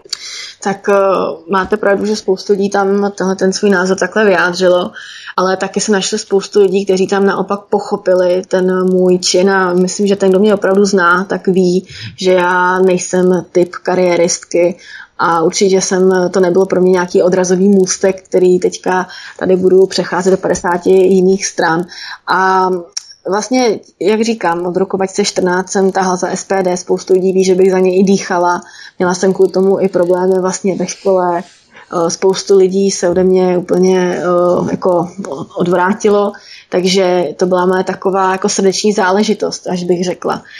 A určitě to nebylo tak, že bych měla v plánu přecházet do jiné strany. Já jsem si myslela, tenkrát, že jdu do jediné strany SPD, nebo tenkrát v úsvitu, že prostě budu stát za panem Okamurou a až to všechno skončí, tahle ta moje nějaká cesta v politice, tak do žádné jiné strany nevstoupím a to jsem mimochodem vždycky všude říkala, ale jak říkám, některé věci se prostě změnily, protože já jsem tam opravdu chodila nerada, a už to prostě z mého pohledu uh, nemělo nějaký, jako, nějaký postup, který mi se mi líbil, prostě to, jak jsem hmm. tom zmínila, to stagnovalo ta strana, je to takové... Člověk by si pořád říkal, že se to zlepší a ono se to ano. stále nezlepšuje a člověk by se zacyklil v určitém bodě, kdyby pořád vyjadřoval jakési vnitřní naděje, že se to změní a ono se to pořád nemění. Teď je otázka, jak dlouho čekat právě, než si to ten člověk opravdu uvědomí a dojde k tomu přesvědčení, že se to nezmění. Nicméně na vaší hlavu se snáší kritika dokonce od samotných poslanců i poslankyní SPD, včetně předsedy hnutí, že zázemí SPD, po kterém jste se vyšplhala do sněmovny, vám bylo dobré, ale teď, když jste se SPD dobrovolně dobrovolně vzdala. Oni to dokonce označují za dezerci. Měla byste složit i mandát hnutí, za které jste byla zvolená. Jak se k těmto výtkám stavíte? Mm tak eh, musím říct, že jejich reakce mě opravdu velmi mrzí, protože jsem s těmito lidmi strávila mnoho let a společně jsme intenzivně eh, společnými silami jsme pracovali na, na tom, aby se prosadil náš program. Ale na druhou stranu jsem tohleto čekala, protože ono taky upřímně co jiného by vlastně měli říct, že musí znést nějakou kritiku. Avšak bych očekávala, že to bude trošku nějaká objektivní kritika, protože třeba paní Šafránková, která se o mě zmínila na svém Facebooku, tam uvedla, že bych tedy měla složit mandát a že by zavedla to, aby vlastně každý poslanec, který takhle odstoupí, že by měl složit podle ní prostě mandát. Ano, já ji rozumím, rozumím tomu, ale v tom případě by měli vyzvat taky pana Foldinu, který nedávno vlastně vstoupil do našeho poslaneckého klubu a nikdo s tím nenamítal, neměl s tím žádný problém. Nespomínám si, že by někdo vyslovil nějakou výtku proti tomuhle přestupu. Nic takového nezaznělo. A mimo jiné si ještě můžeme vzpomenout například na pana, na pana Fialu, který už mimochodem byl také v ODS, pak v hnutí Úsvit a momentálně je v hnutí SPD a nemyslím si a rozhodně není pravda, že by někdy složil mandát nebo někde se takhle vyjadřoval, že přemýšlí, že by ho složil. Nikdy se k tomu nedostal. Takže pokud eh, paní Šafránková nebo kdokoliv jiný bude mít takovouto kritiku a bude říkat, ať složí mandát, tak samozřejmě bych o tom přemýšlela ve chvíli, kdyby se každé, na každým vlastně měřilo stejným metrem. To znamená nepřibírat lidi z jiných politických stran a subjektů a potom můžeme mluvit o tom a vyzývejte mě, vyzývejte mě tedy k, k mandátu, abych složila, ale v tom případě nemůžou přijímat nikoho jiného z jiných, jiných klubů, což se stalo nedávno. Takže, takže tak dokonce jsem ještě mimochodem slyšela reakce vlastně um, nějaké členky, myslím tady z Ústeckého kraje, která napsala, že je ráda, že se SPD zbavilo konečně uh, mě a přijmuli místo mě pana Foldinu, že to je výborný krok a, a tak dále. No, takže co vám mám na to říct? Takže ještě jednou, aby to každý pochopil, včetně těch méně bystřejších voličů SPD. Když Jaroslav Foldina přešel z ČSSD rovnou do SPD, poslanci SPD ho vítali s otevřenou náručí, ale když mhm. vy stejným způsobem přejdete do hnutí jiného, měla byste podle nich složit mandát. Máte třeba informace, kým chtějí poslanci SPD nahradit Jaroslava Foldinu, protože oni určitě také požadují, aby se vzdal on také eh, mandátu. Jsou tyto dva případy opravdu tak nesouměřitelné? Uh, myslíte, že oni požadují, aby se vzdal mandátu? Já samozřejmě to vnímám trošku jako humorně, tu otázku položenou. Já jsem to právě jo. tak pochopila, protože ono naopak, jako já, když si vzpomínám na té reakce, já teda proti panu Folderovi nic nemám vůbec, já to dávám jako příklad, jo. Já si vzpomenu, když k nám vlastně přešel eh, do našeho klubu tak naopak všude naši členové to radostně sdíleli, eh, pláceli ho vlastně jako by po ramenou, vítali ho, jak je to skvělý přestup roku, že je to úžasná posila, vlastně Jasně. je i trojka na kandidáce do kraje, že jo. Takže uh, mně to trošku jako právě přišlo úsměvný, když jsem si to přečetla té paní Šafránkové, na kterou se mimochodem tam znesla obrovská kritika pod tím mým statusem, kde právě tohle ty lidi na to upozorňovali a, a ona jim tam vlastně ani neodpověděla, že jo. Takže to prostě je potřeba, když se k něčemu chci vyjádřit, tak by to mělo být trošku objektivní a neutráva hlavu a patu, že jo, než něco takového hmm. vydám. Kdo přijde k nám z jiné strany, není přeběhlíkem, ale kdo od nás odejde do jiné strany, tak je přeběhlíkem. Tak, abychom to ukončili. Ale pojďme se podívat dále, co říkáte na osobu jménem Martin Pecina, teď čerstvá záležitost, který eh, na transparentní účet SPD 27. července zaslal sponzorský dar 20 tisíc korun. Martin Pecina je ale bývalým ministrem vnitra a z této pozice se podílel na likvidaci dělnické strany v roce 2010, akce Power 1, Power 2, ozbrojené razie za samolepky, plakáty, obrovská zatýkání, velký bojovník s takzvaným extremismem. A teď taková osoba sponzoruje SPD, kterou to samé ministerstvo vnitra opakovaně označuje ve svých čtvrtletních zprávách za extremistickou. Eh, není ten étos SPD jako protisystémové strany jenom cynická hra, divadelko pro důvěřivé voliče s takovými to sponzory? Já teda tuhle informaci slyším poprvé. Děkuji, že jste mi ji řekl, protože jsem eh, nic takového nečetla. To je asi kvůli tomu, že teďka mám spou, eh, vlastně spoustu zpráv ohledně mého, mé rezignace, takže jsem to asi úplně jako přehlédla. Jasně. Ale je to pro mě nová, nová informace. Já teda nevím, vůbec jsem ani předtím o ničem takovém neslyšela o tomhle člověku, že by k nám měl přestupovat nebo sponzorovat nic takového. Ještě mi napadá, jestli třeba eh, nebude za nás někde kandidovat, nebo za nás, za SPD kandidovat, za, za nás už ne. Víte, to, takové, to je síla zvyku tak za SPD kandidovat třeba v senátních, senátních volbách, protože tam... Senátu ne, Senátu ne, protože mm. byly zveřejněné kandidátky do Senátu a tam není, tam, takže spíš někde na kraji bych v tom typoval. je možné, že někde bude na kandidátce v kraji, ale já upřímně mm, mm. ty kandidátky jsem neviděla, takže to se asi ukáže při zveřejnění kandidátek. Totiž v 90. letech byl Martin Pecina členem ODS, potom čtyři roky členem ČSSD, pak nestraník za SPO a teď sponzoruje SPD. Mimochodem navíc v červenci 2019 se o Martinu Pecinovi spekulovalo jako o případném nástupci na vnitro místo Jana Hamáčka v případě, že by se vláda rozpadla a Miloš Zeman by ustanovil úřednickou vládu. Jak byla ta krize, si vzpomínáte kolem Antonína Staňka, mm-hmm. rezortu kultury a tak dále, tak se s Martinem Pecinou počítalo na vnitro místo Jana Hamáčka. A teď Martin Pecina sponzoruje SPD, tady to mám přímo na transparentním účtu otevřené v okně, když tak pošlu potom odkaz. Těch 20 tisíc tam neposílal asi tak tak myslíte, že zřejmě bude kandidovat někde na kraji?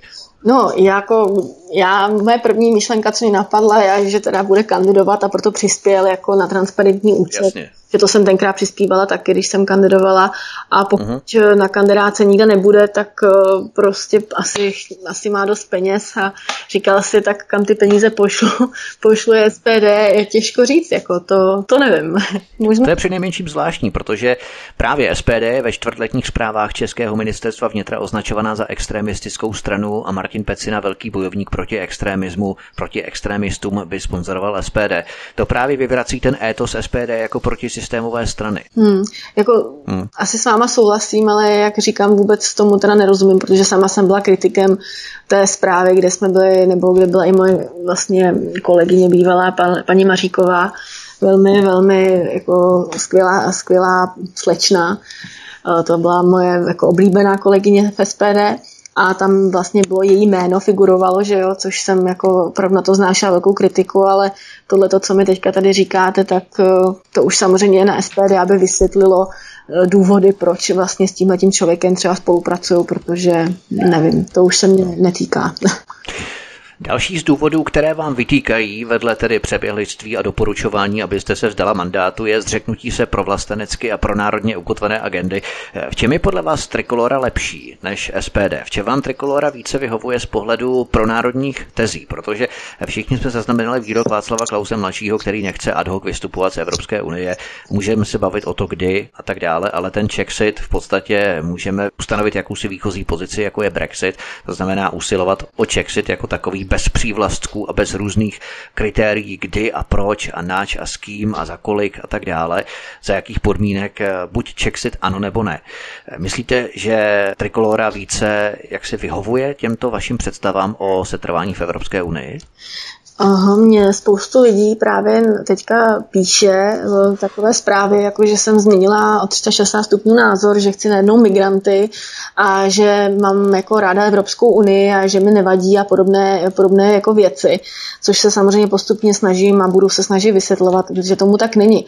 Já, co znám pana Klauze, tak uh, on sice nikdy neříká, nebo neříkal, že chce referendum o vystoupení z Evropské unie, to je pravda. Ale druhá věc je, že konstruktivně a zcela objektivně vždycky kritizoval uh, jak Evropskou unii, tak uh, i třeba implementace, které se odsouhlasovaly vlastně na plénu, které jsme museli odsouhlasovat a právě byly od Evropské unie, tak vždycky se k ním kriticky vyjadřoval, nikdy proto nehlasoval. To si pamatuju a tohle to pro mě jako je to, že já vidím, že ten člověk není žádný proevropský nebo pro evropské, pro Evropskou unii, jak mi lidi píšou a tak dále, takže to není, že já bych se otočila a najednou souhlasila s Evropskou unii. Já mám názor pořád stejný. Evropská unie jako taková, eh, tím, jak to vede, je prostě, je to špatně Samozřejmě do budoucna to asi nedopadne dobře, ale musíme si říct taky jednu věc a to je to, že ano, sice Brexit eh, se můžeme už dneska bavit o tom, že třeba se povedl, eh, že to vlastně Británie unesla a asi to i unese do budoucna. Ale Česká republika je přece jenom trošku jinak, eh, jako jinak ležící v té Evropě a není to tak jednoduché, jako třeba v případě té Velké Británie. Já si myslím, že pokud pokud by měly státy odejít vlastně z Evropské unie, tak by se to určitě nemělo týkat jenom České republiky, ale třeba celé V4 a podobně, ale to už bychom zase se bavili tady o jiných tématech. Ano. Ale určitě je potřeba věci kritizovat, poukazovat na to, co je špatně a postupně se dostává k tomu výsledku, Eh, buď teda eh, reformy Evropské unie, nebo nějak vyřešit do budoucna tuhletu situaci. Ale pokud, já myslím, že vy i ostatní lidé ví, že tady můžeme říkat referendum Evropské, eh, vystoupení z Evropské unie, ano, a já jsem to taky říkala, mnohokrát jsem se k tomu vyjadřovala, vyjadřovala, ale všichni víme, že to není tak jednoduché. Nejdříve by se muselo prosadit celostátní referendum, muselo by vůbec splnit určitá kvorumy, tam muselo by splněné. Je to strašně složitá situace a náročné. A prostě já si myslím, že ještě ta Česká republika když tak vezmeme, tak tomu musí postupně dospět. Jako každý člověk k něčemu postupně dospěje v životě, tak i no, tomu. Ta společnost není nastavená pro to odejít z Evropské unie. Musíme no, nejdřív vychovat eh, tu generaci tak, aby opravdu pro to hlasovala. Ano, prostě jak přesně jak říkám, jako není to, já jsem žádný názor nezměnila, já mám názor pořád stejný, jako jsem měla před rokem nebo před třemi lety, ale ta situace není tak jednoduchá. Nemůžeme se dívat jenom na povrchní hesla typu odejdeme z Evropské unie a tak dále. To je sice hezké a líbivé, ale musíme říct to B, tohle je to A, a musíme říct to B, jakým způsobem to uděláme a dostat se k tomu vůbec, tomu těmi kroky postupně, jakým způsobem to udělat. A jak říkám, my tady nemůžeme jako Česká republika zůstat sami jako uh, vojáci někde v poli, prostě je potřeba hlavně spolupracovat i s tou V4 a já si myslím, že pan Klaus naopak má no, velmi jako podobné názory, je velmi podobně kritický, jako bylo vždycky SPD a poukazuje na mnohé věci, takže já si určitě nemyslím, že bych vstupovala do strany, která má 360 stupňů jako jiné názory na Evropské unii, to je prostě nesmysl. Jako. Poslankyně Terza Hyďová je stále naším hostem na svobodném vysílači. Od mikrofonu vás zdraví Vítek a po písničce se podíváme na její práci v poslanecké sněmovně. Tím zakončíme náš dnešní rozhovor. Vydržte s námi, po písničce pokračujeme. Příjemný večer. Poslankyně Tereza Hyďová zůstává stále naším hostem po písničce u nás na svobodném vysílači od mikrofonu vás zdraví Vítek a my si povídáme o jejich důvodech odchodu z hnutí SPD. My se dostáváme k dalším výčitkám lidí, kdy je jmenovatelem váš mladý věk. Myslíte, že čím je člověk starší, tím více se obává učinit rázná rozhodnutí, která by sice někdo mohl hodnotit jako překotná, nevyrovnaná, nerozvážná, ale ve skutečnosti čím starší politici jsou, tím jim déle trvá, než se k něčemu lidově řečeno rozhoupají. My jsme si tady povídali o tom, že mladý věk může být v tomto případě výhodou, protože člověk není zatížený, svázaný hypotékami na byt nebo na barák, nemá rodinu, nemá děti, nemá tolik závazků, tak není tolik závislý na příplatcích a prebendách za účast v různých výborech a podvýborech, které automaticky ztratí svým odchodem.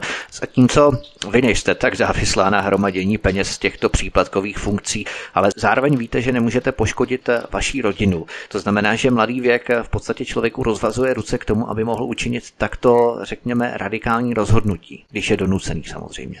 Mm-hmm. Jako v určitém smyslu možná to hraje roli, ale já jsem vždycky byla zastánce toho, že věk je jenom číslo, že člověk je mu tolik, nakolik se cítí a upřímně... Tak možná to tak funguje třeba ve vztazích, ale ne v politice zase na druhou stranu. Přece jenom člověk potřebuje nabít nějaké zkušenosti. To s vámi naprosto souhlasím. Já chápu kritiku lidí, kteří říkají, že jsem velmi mladá a mají pravdu. Já se za to nestydím, že mi za půl roku bude teprve 26 let. Ale za prvé si je nutné říct, že nejsem jediná, kdo byl takhle mladý v politice, že těch politiků, kteří uh, zde byli od útlého věku, je mnoho i z historie. Vys Kateřina Konečná, pan mm, vlastně bývalý premiér Sobotka a jiní. A takže to není určitě nějaká jako výjimka. I vlastně momentálně sedí tolik poslanců, kterým je vlastně podobně jako mě a chápu, že to může být třeba bariéra, ale na druhou stranu člověk se učí prostě postupně a nikdo neříká, že člověk, který mu je 40 nebo 50 a je politikem, se může eh, rozhodovat lépe a, a tak dále. To prostě ne, podle mě to takhle není. Člověk se rozhoduje tak, jak to cítí, tak, jak nabil nějaké prostě zkušenosti a tak dále a já jsem se takhle rozhodla a to, že jsem mladá, si nemyslím, že by v, tom, v tomhle tom zrovna hrálo nějakou roli. Zkrátka víte sám, že i tři poslanci, kteří za nás byli eh, v parlamentu, odešli vlastně a těm rozhodně nebylo 25 let, takže to je pravda, to je pravda. Ale mladý věk může znamenat eh, třeba i velkou dávku naivity, kterou člověk eh, v takovém věku jenom těžko dokáže rozeznat. Mám na mysli třeba to, že Václav Klaus mladší pociťuje silný nedostatek poslanců za trikoloru. On a Zuzana Majerová Zahradníková, čili dva poslanci, zoufale potřebuje rozšiřovat hnutí a vy jste se stala pouhou ulovenou obětí jeho rybaření. Zamýšlela jste se třeba i nad eh, touto variantou? tak takhle to řekl vy, tak eh, jsem se nad tím úplně jako nezamýšlela. Ale vím, jak to, vím, jak to samozřejmě myslíte. Ale eh, Václav Klaus eh, není člověk podle toho, jak ho za ta léta znám, že by chtěl kohokoliv jenom proto, aby měl o jednoho poslance jako navíc. Takže kdokoliv k nám přejde do trikolory, tak to bude výborné, protože už nebudeme dva, ale budeme tři nebo čtyři.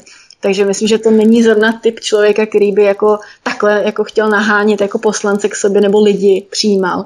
Že si pečlivě dokáže vybírat a e, dokáže ocenit třeba, když je někdo loajální, dokáže nad věcmi přemýšlet, mluví konstruktivně a tak dále. Takže to si myslím, že nad tím taky uvažoval a určitě, kdybych e, pro něj byla nějaká úplně jako e, neschopná, prostě naivní jako holka, tak si myslím, že by asi mi řekl, Terko, no. nezlob se, ale to asi ne, nevím. Já si myslím, že Václav Klaus je rozumný člověk, který nad věcmi přemýšlí, hodně nad nimi přemýšlí, je to matematik, takže u něj je to jako potřeba a určitě to není tak, jak jste teďka popsal, to nemyslím. Tak my se na Terezu Hyďhovou podíváme ne jako na mladou neskušenou holku, ale vám se třeba vytýká, že jste v SPD neviditelnou, že ztrácíte podporu a tak dále, tak jenom pro porovnání. Ve volbách 20. a 21. října 2017, momentí chviličku, já se tady otevřu, Ano, to jsem měl spořič na obrazovce volby CZ, když si vědeme výsledky.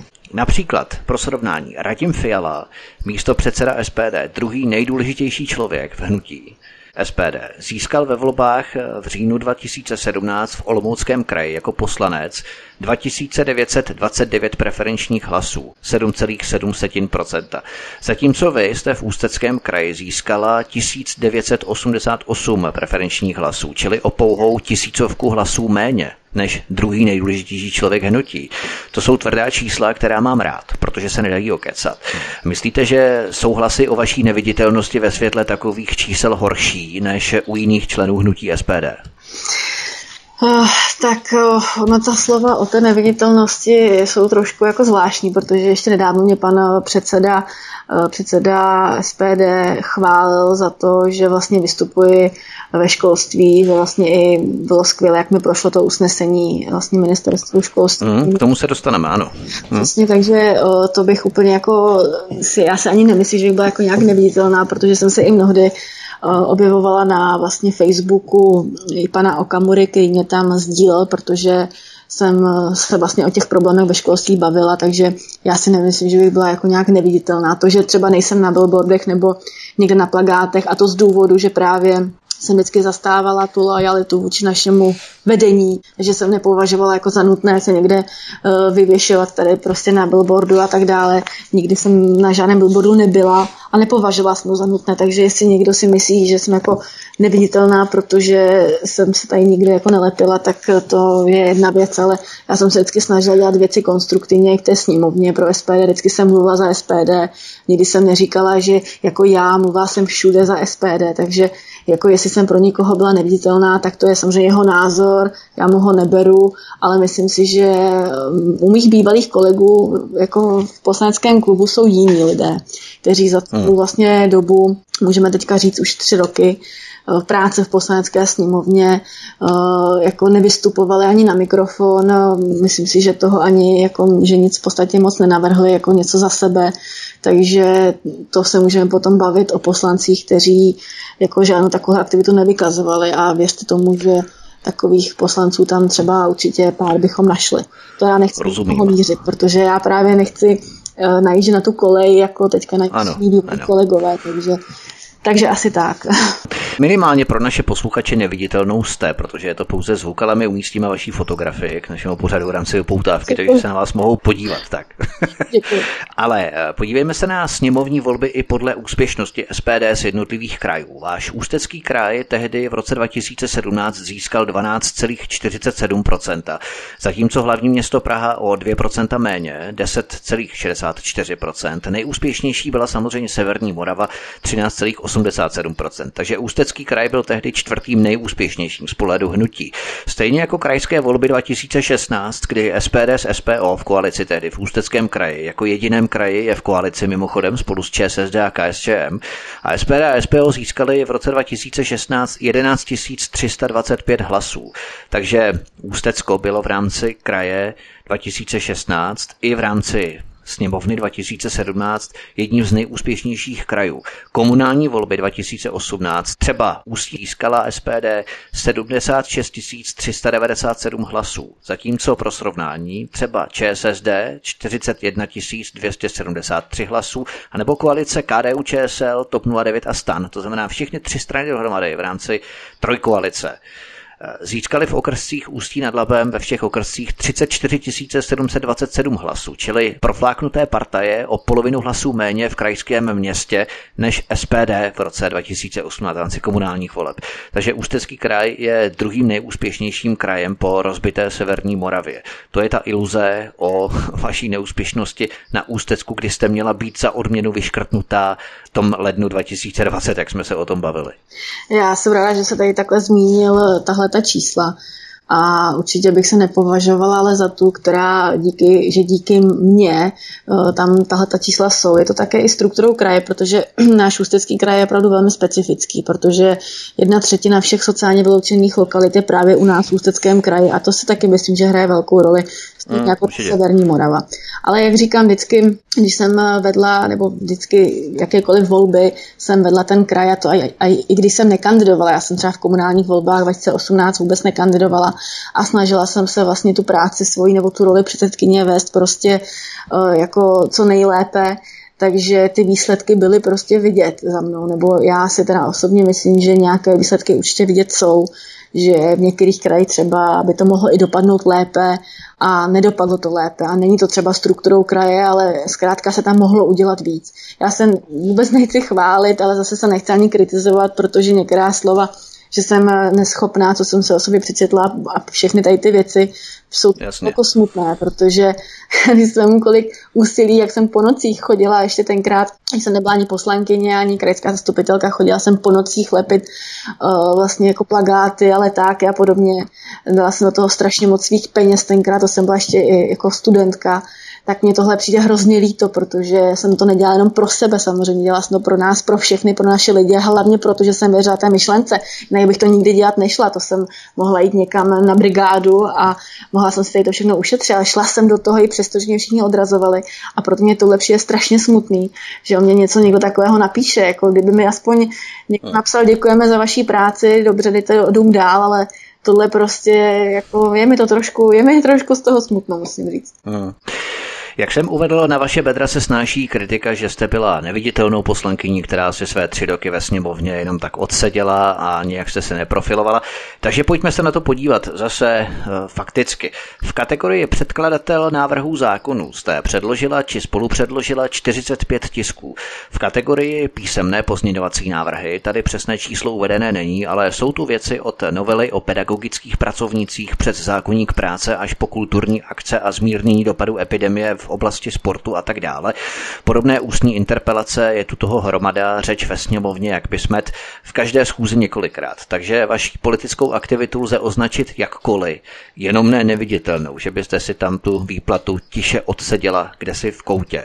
Pojďme si zrekapitulovat, co všechno jste jako místo předsedkyně školského výboru dokázala. Prosadit v rámci rezortu školství. Co považujete za vaše největší úspěchy? My se k těm jednotlivým věcem telegraficky samozřejmě úplně detailně detailně, protože už nemáme dost času, ale vypravíme se aspoň k několika z nich. Ale co vy osobně považujete za vaše největší úspěchy? Tak ono je vždycky z pozice nebo z opozice těžké cokoliv prosadit, že jo? Takže když něco hmm. prosadíte, tak je to velký úspěch, ať je to jako cokoliv. A máte pravdu, že jsem navrhovala spoustu pozměňujících, eh, pozměňujících návrhů. Některé ještě teda nepřišly ani na řadu, protože mm, zkrátka to přijde na řadu až na podzim. Takže to uvidíme, jak to dopadne. Předpokládám, že pan například minister Plaga asi úplně nebude mít kladné stanovisko, ale to nevadí. Tak když jste ho kritizovala za nekomunikaci. Ano, ta jeho komunikace je opravdu špatná, to prostě to neříkám jenom já, ale teďka vlastně poslední úspěch byl, že jsem vlastně podařilo prosadit napříč sněmovnou, to jsem vlastně obešla i jednotlivé, jednotlivé kluby, aby prošlo usnesení sněmovny. A to si myslím, že je dost zásadní, protože ta epidemie nebo ten koronavirus, to vlastně si přečtete každý den, je to všechno jinak. Dneska je to tak, zítra to může být jinak a podobně. Takže je nutné, aby na to Česká republika byla ještě lépe připravená, než byla předtím. A já jenom mluvím o tom školství, protože ta situace ve školách prostě nebyla ideální, to si musíme říct na rovinu. Takže to moje vlastně usnesení se týkalo toho, aby pan Plaga zkrátka uh, aby předložil do 31. srpna všem školám uh, krizový manuál, který se školy budou v případě epidemie řídit, aby to nebylo tak, jak to bylo teďka chaotické, nikdo nic nevěděl, školy si to dělala každá jinak, pak, uh, pak za to ministerstvo vlastně uh, je jakoby jakoby vyčítalo jim, že ta škola to nedělá tak a tak. Zkrátka bych v tom byl pořád. Mm, Takže jsem moc ráda, že se mi podařilo tohleto usnesení udělat, prosadit a teď uvidíme na panu Plagovi, jak, jak vlastně to předloží a měl by to předložit takže to si myslím, že úspěch byl a říkám, ostatní třeba ty pozměňující návrhy uvidíme, jak dopadnou. Navíc jsem ještě předložila vlastně před, eh, Ježíš jestli měsícem, dvěma měsíci, jsem předložila novelu zákona, kde jsou teda při podepsaní moji bývalí kolegové z SPD o zrušení inkluze. To mimochodem má samozřejmě Trikolora také ve svém programu takže to o tom teprve to bude teprve jako do prvního čtení. Takže uvidíme a každopádně tady v těch věcech budu samozřejmě pokračovat i nadále, přesně tak, jak eh, jsem vlastně pracovala na tom v SPD. Celkem nedávno v květnu 2020 jste zpracovala a podala do sněmovny návrh zákona na zrušení spackané inkluze ve školách. Jak jste právě teď eh, upozornila na problémy, které postihujete v tom návrhu, dlouhodobě upozorňují školští odborníci, ředitelé škol, učitelé a dokonce samotní rodiče takto inkludovaných žáků. Jaké problémy to jsou, které jste do toho návrhu zahrnula? Tak těch problémů je celá řada, jak z pohledu samozřejmě učitelů, z pohledu rodičů, z pohledu toho samotného žáka. A největším problémem je, že se tady vždycky snaží v České republice dělat něco po vzoru někoho, i přesto, že zkrátka musíme brát v potaz, že každá země je jinak nastavená a nelze tohleto aplikovat všude. U nás se inkluze eh, dle mého, nejenom mého přesvědčení neosvědčila absolutně. Byl to krok prostě vedle protože ti rodiče to na, na jednu stranu viděli jako jako výborný krok, že ano, moje dítě bude mít právo na to jít do běžné školy a tak dále, ale to přece nebylo ani předtím, že by nemělo právo jít do, do běžné vlastně základní školy. Tady se musíme bavit o tom, že já jsem totiž dělala praxi i ve speciální základní škole, takže vím, o čem, se mluví, vím, o čem mluvím a ta péče třeba o, o tyhle ty děti, kteří mají nějaký handicap, je vlastně jakoby mnohem lepší a intenzivnější v těch speciálních školách, kde se můžou víc věnovat, kde to mají prostředky a tak dále, protože ta inkluze je opravdu velmi drahá záležitost a narušuje to hlavně i kolektiv v té třídě, kde vlastně to dítě se nakonec ocitne vlastně úplně samo musí mít neustále u sebe tu paní asistentku, neustále bude vlastně mít nějaké jiné výhody, nevýhody a tak dále. U paní učitelce to přidělává starost. Vlastně to dítě samotné se nemůže přece cítit jako dobře v tom kolektivu a samozřejmě těch problémů je víc a můžeme se bavit i o finanční jako částce, je to 6 miliard ročně. Jako jo, to je prostě neskutečně velká částka, která se za, za tady ty věci dává a ten výsledek, ten výsledek se prostě nedostavil, to si musíme říct ten výsledek tu není, ne, jako nefunguje to a proto jsem ten návrh taky podala. Musíme tedy rozlišovat rozdíly mezi fyzickým postižením, což lze s určitými, řekněme, bezbariérovými prvky provést v budově, mezi mentálně postiženými dětmi, které nejsou schopné sledovat eh, tu výuku, ani nestačí jejímu tempu. A to je právě ten asi nejpalčivější problém, který jste ve vašem návrhu postihovala? Ano, přesně tak. To, že třeba škola nemá bezberový přístup, to jsou věci, které samozřejmě si nemyslím, že by byly tím největším jako problémem. To většina škol, nebo spoustu škol, které třeba já znám, to mají a samozřejmě dá se to, dá se to vyřešit.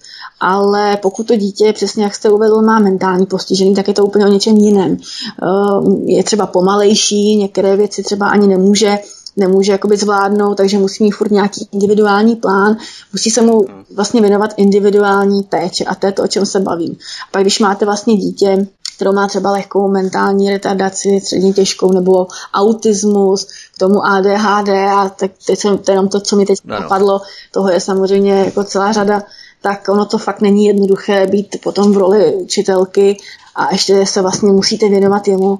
A i, jak říkám, prostě ten výsledek tam není ani z žádné jako strany. Ty rodiče musí být jako nešťastní z toho, že vlastně to jejich dítě má ono sice hezké jako říct, ano, mé dítě chodí do běžné školy, ale na druhou stranu to nepřináší jako žádné ovoce jako nikomu. Takže já určitě jsem proto, aby ta možnost tu byla, samozřejmě ano, aby ta možnost byla, ale není možné to takhle celoplošně jako zavádět, hmm. protože něk- v některých případech to prostě není možné. To prostě není. Ty speciální školy se svými specifickými možnostmi právě možná kladou větší důraz na rozvíjení těch dětí s mentální poruchou, mnohem, řekněme, efektnější než toto násilné inkludování dětí do běžných škol. Eh, jenom takový drobný odskok, co třeba taková matematická negramotnost, která by fakticky mohla nastat za několik let. Máte obavy i ve vaší praxi třeba, že tento vývoj do takové fáze směřuje? Tak eh, určité obavy mám. To byl tak jeden z důvodů, proč jsme se tenkrát, eh, když jsem ještě byla třeba v SPD, jsme se rozhodovali, jak jako klub budeme hlasovat právě o maturitě z matematiky. Protože já jsem třeba sama taky nematurovala z matematiky a vybrala jsem si angličtinu. A věděla jsem proč, protože každý máme něco, v čem vynikáme a mě to matematika není. Ale musím... Tak to je docela vtipné, protože to úplně kopíruje to, to jak jsem udělal i já maturitu, taky jsem měl angličtinu a ne matematiku. Pokračujte dál. Přesně, přesně tak.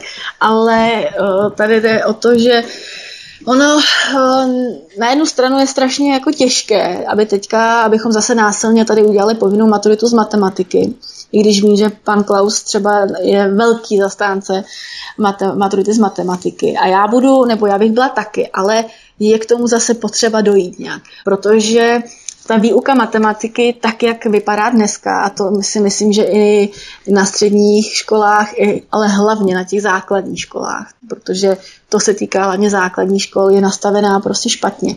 Jo, ty děti se učí věci z paměti a už je tam méně snahy o to, aby se naučili, hmm. aby o tom přemýšleli, taková té logičnosti. To se úplně jako vytratilo. Jo.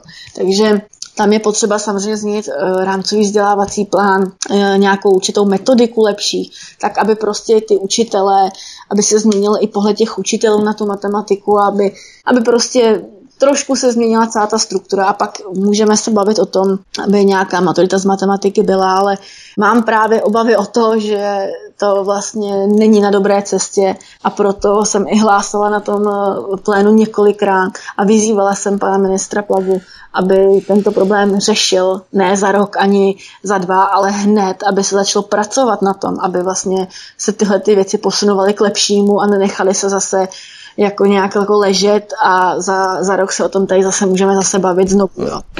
Ono to je takové vděčné politické téma, neustále rozvíjet diskuze o tom, zda matematiku ano či ne v rámci maturity, ale Václav Klaus mladší si ještě spočítá, že 33% poslanců z trikolory není pro maturitu z matematiky v tom stavu, v jakém je dnes. Eh, vy jste ale vypracovala a předložila do sněmovny na začátku června usnesení pro ministerstvo školství, které úkoluje ministerstvo školství k vytvoření manuálu, kterým se v případě vzniklé opětovné pandemie budou řídit školy. Co obsahuje vlastně ten váš manuál pro školy, který jste zmínila a který jste předložila? Tak já jsem předložila eh, jakoby usnesení. On ten manuál totiž existuje, nebo ono, ono vlastně byl předložen těm školám, ale ten manuál je jako tak, jak je udělaný špatně. A to já jsem přesně konkrétně jmenovala věci, které by se měly změnit, jak přímo panu Plagovi, tak jsem to zmiňovala několikrát na plénu, protože tam z toho třeba není zřejmé, kterými věci kterými věcmi se školy třeba musí řídit a mohou řídit a co je jenom doporučení a vznikaly v tom velké zmatky. Neustále prostě mi psali ředitele, učitelé jsou z toho nešťastní a jenom když vezmeme v potaz, že vlastně není ani nějak jako centrálně nebo jako pro celou republiku připravená nějaká forma distanční výuky, jak by třeba mohla vypadat distanční výuka. Jo. To prostě každá škola to hmm. řešila po svém a věřím tomu, že se s tím vypořádali třeba dobře, ale je potřeba udělat nějaké doporučení, nějaké věci, kterými se mají řídit, jak mají zareagovat, jo, protože to, tohle všechno, co se stalo, tak se muselo prostě za, za chůze jako řešit, takže aby to bylo prostě jasné, aby ten ředitel vzal do školy ten manuál, takhle ho otevřel a věděl přesně, jak se má zachovat jak má, jestli má zavřít školu takhle a takhle, co má napsat. Zkrátka to nebylo zřejmé, takže jsem ráda, že ty ředitelé a učitelé všichni to zvládli, tu výuku přes internet a tak dále. Ale je prostě potřeba, aby jim to ministerstvo pomohlo, aby jim dalo tu pomocnou ruku a řeklo a poradilo jim, jakým způsobem mají postupovat. A to je to, co jsem po panu Plagovi chtěla, protože ty chyby v tom manuálu prostě nebo nejasnosti tam byly. Nebyla jsem sama, kdo na to poukazoval a je potřeba na to být lépe připraven, protože to je prostě pro ty děti, to je to je základ, že jo, ta škola, takže my chceme, aby se co nejvíc naučili a odnesli si to e, do celého, do, do vlastně do života. A proto, i když by se museli učit, nedej bože, zase znovu doma, tak aby ta prostě výuka probíhala kvalitně a a aby v tom byl nějaký řád. Poslední věc, v rámci už se chýlíme ke konci našeho rozhovoru. Vy jste se 1. července aktivně účastnila kulatého stolu poslanecké sněmovně na téma předškolní vzdělávání. Tohoto stolu se účastnili ředitelé a učitelé škol, zástupci odborů, komory, ministerstva a další. Z pozice učitelky a poslankyně jste tu sdělila některé názory na danou problematiku. Jak ten kulatý stůl probíhal a jaké nejdůležitější poznatky jste si od tamtud odnesla? Tak ten kulatý stůl byl, myslím, velice, velice přínosný, protože se tam sešli, jak jste zmiňoval, všichni zástupci, což je, jako, je dobré se takhle scházet, scházet a říct si ty problémy a řešení. Já si myslím, že by to mělo více více pořádat také ministerstvo, které by mělo naslouchat právě těm odborům a, a těm učitelům a tak dále a ředitelům, aby vědělo vůbec, jaká je ta situace v praxi a nerozhodovat něco tady na ministerstvu. Je to prostě špatně. Takže já jsem to vítala. Byla hmm. jsem moc ráda, že jsem eh, měla tu možnost tam eh, i něco říct za sebe Řešily se tam vlastně uh, různé věci, nebo aktuální i věci, co se týkají různých dotačních jakoby věcí na, na, vlastně na chůvičky, chůvičky v mateřských školách. To je Aha. jedna problematika. Uh, řešilo se tam, řešilo tam vlastně i inkluze se tam řešila. Uh, tam jsem právě taky znova si potvrdila to, že inkluze není dobrý krok, protože když tam slyšíte od těch ředitelů, jak jsou z toho nešťastní a tak dále, tak si vlastně znovu potvrdíte to, co říkáte, že že to prostě má hlavu a patu. Takže tohle bylo velkým přínosem a pokud už nebudu mít eh, možnost se toho účastnit, protože předpokládám, že budu odvolaná, odvolaná z výboru, tak eh, mi to je samozřejmě velmi líto, ale do budoucna bych chtěla takovýmhle způsobem taky spolupracovat eh, právě takhle se všemi těmi odbory a učiteli a tak dále, protože si myslím, že to prostě přínos je. A mělo by to takhle probíhat ve všech, ve všech odvětvích, nejenom ve školství, ale prostě, aby ten názor to ministerstvo znalo i z toho, i z toho, jako z té reality, že jo. Takže to bylo, uh-huh. musím říct, že to bylo opravdu jako hezky strávené tři hodiny, myslím. Obeznámili jsme se s některými vašimi návrhy, pozměňováky nebo usneseními i dalšími aktivitami, protože se jistě vynoří a už vynořují spousta kritiků, kteří vám budou vytýkat a vytýkají, že jste nic nedělala, že jste se jenom flákala, čerpala poslanecké benefity. Tak tady máme několik ukázkových příkladů vaší práce ve sněmovně jako místo předsedkyně zatím ještě školského výboru. Vy sedíte ve sněmovně na sedadle číslo 116. Budete si muset přesednout, odsadí vás, vyobcují vás někam na hambu, jako ve škole třeba. Já, já jsem teda zvědavá, kde budu sedět, eh, přizpůsobím se a doufám, že mě přesadí někam aspoň ke kraji, abych konečně seděla do uličky, protože to je jako, myslím, že nejlepší sedět do uličky, že můžu kdykoliv odejít. Takže pokud ještě budu mít lepší místo, než jsem měla teď, tak za to budu moc ráda. Tak eh, kdo má v organizaci rozsazování poslanců, tak eh, doufáme, že vaší touhu vyslyší. To je něco jako v autobuse, kdy také nerad sedím u okénka, protože se musím hrnout potom přes toho spolucestujícího, který sedí do uličky. Takže to vás naprosto chápu. Přesně, přesně, jak, to je, jak jste to řekl, tak to je. Myslíte, že se budete zdravit eh, s některými poslanci SPD, nebo ta rána je ještě příliš čerstvá, emoce musí vychladnout, vyšumět? Já si myslím, že s některými poslanci se určitě zdravit budu nevidím důvod k tomu, proč by tomu tak nebylo. Jsou samozřejmě poslanci, kteří mě už asi ani nepozdraví.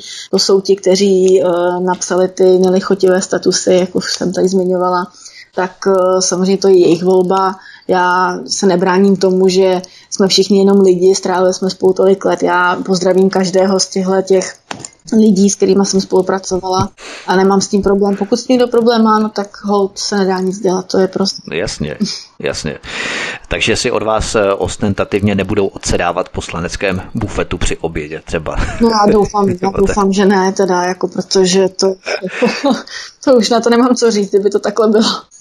Jasně, ale vám bude chutnat, eh, předpokládám, nejste žádná faninka vegetariánské stravy nebo tak něco. Ne, ne, ne, ne já jim úplně všechno. Fajn, jenom eh, čistě soukromně, abyste nevyzradila tajemství mezi lékařem a pacientem, respektive mezi poslankyní a moderátorem. Eh, našel se někdo v SPD, nemyslím ani tak poslanci, spíše jako asistenti, prostě pracovníci, kdo vám mezi čtyřma očima poklepal na rameno, ukázal palec nahoru a soukromně vysekl poklonu za odvahu prásknout do stolu a odejít středem. Když se, protože když se mně něco nelíbí, tak buď se přizpůsobím, čili s tím souhlasím a potom nemám právo říkat, že si mě to nelíbí, pokud se ta věc nemění. A nebo odejdu středem, čímž vyjádřím svůj nesouhlas s tím, že se mi to nelíbí, pokud vím, že to opravdu nelze změnit. O tom jsme se bavili v prvním vstupu. Vy jste si vybrala tu druhou možnost. Pochválil vás někdo za to nebo vyjádřil vám ne obdiv, ale řekněme pochopení? Našli se takový lidé, není, není jich samozřejmě hodně. Uh, hodně podpory máme vlastně i od bývalých členů SPD, kteří z nějakého důvodu někde odešli, takže ty samozřejmě mě chápou, ale i od lidí, kteří v SPD pořád jsou, pořád jsou aktivní. Eh, říkám, není jich samozřejmě plno, protože chápu třeba i jejich obavy a tak dále, ale našli se takový, takže za to jsem ráda, že někdo mě neodsuzuje a rozumí hmm. tomu, proč jsem to udělala. Já myslím, že spoustu lidí i rozumí tom, těm důvodům, proč jsem to udělala, akorát co prostě nikdo nechce říct. Nechce říct. Hmm. Poslankyně Tereza Hyďová, která byla hostem u nás na svobodném vysílači, nás obeznámila z důvody jejího odchodu z klubu a z hnutí SPD. Terezo, my vám moc děkujeme a mějte se krásně, budeme držet palce a budu samozřejmě rád, když na svobodné vysílači u nás vystoupíte příště už s konkrétními věcmi ohledně školství, protože pedagogika je velmi důležitá věc pro nás všechny, protkává náš život, ačkoliv si to třeba uvědomujeme. S těmi prázdninami se setkáváme i my dospělí, kteří třeba děti máme anebo nemáme. Takže my se budeme těšit, mějte se krásně a děkujeme, že jste k nám přišla.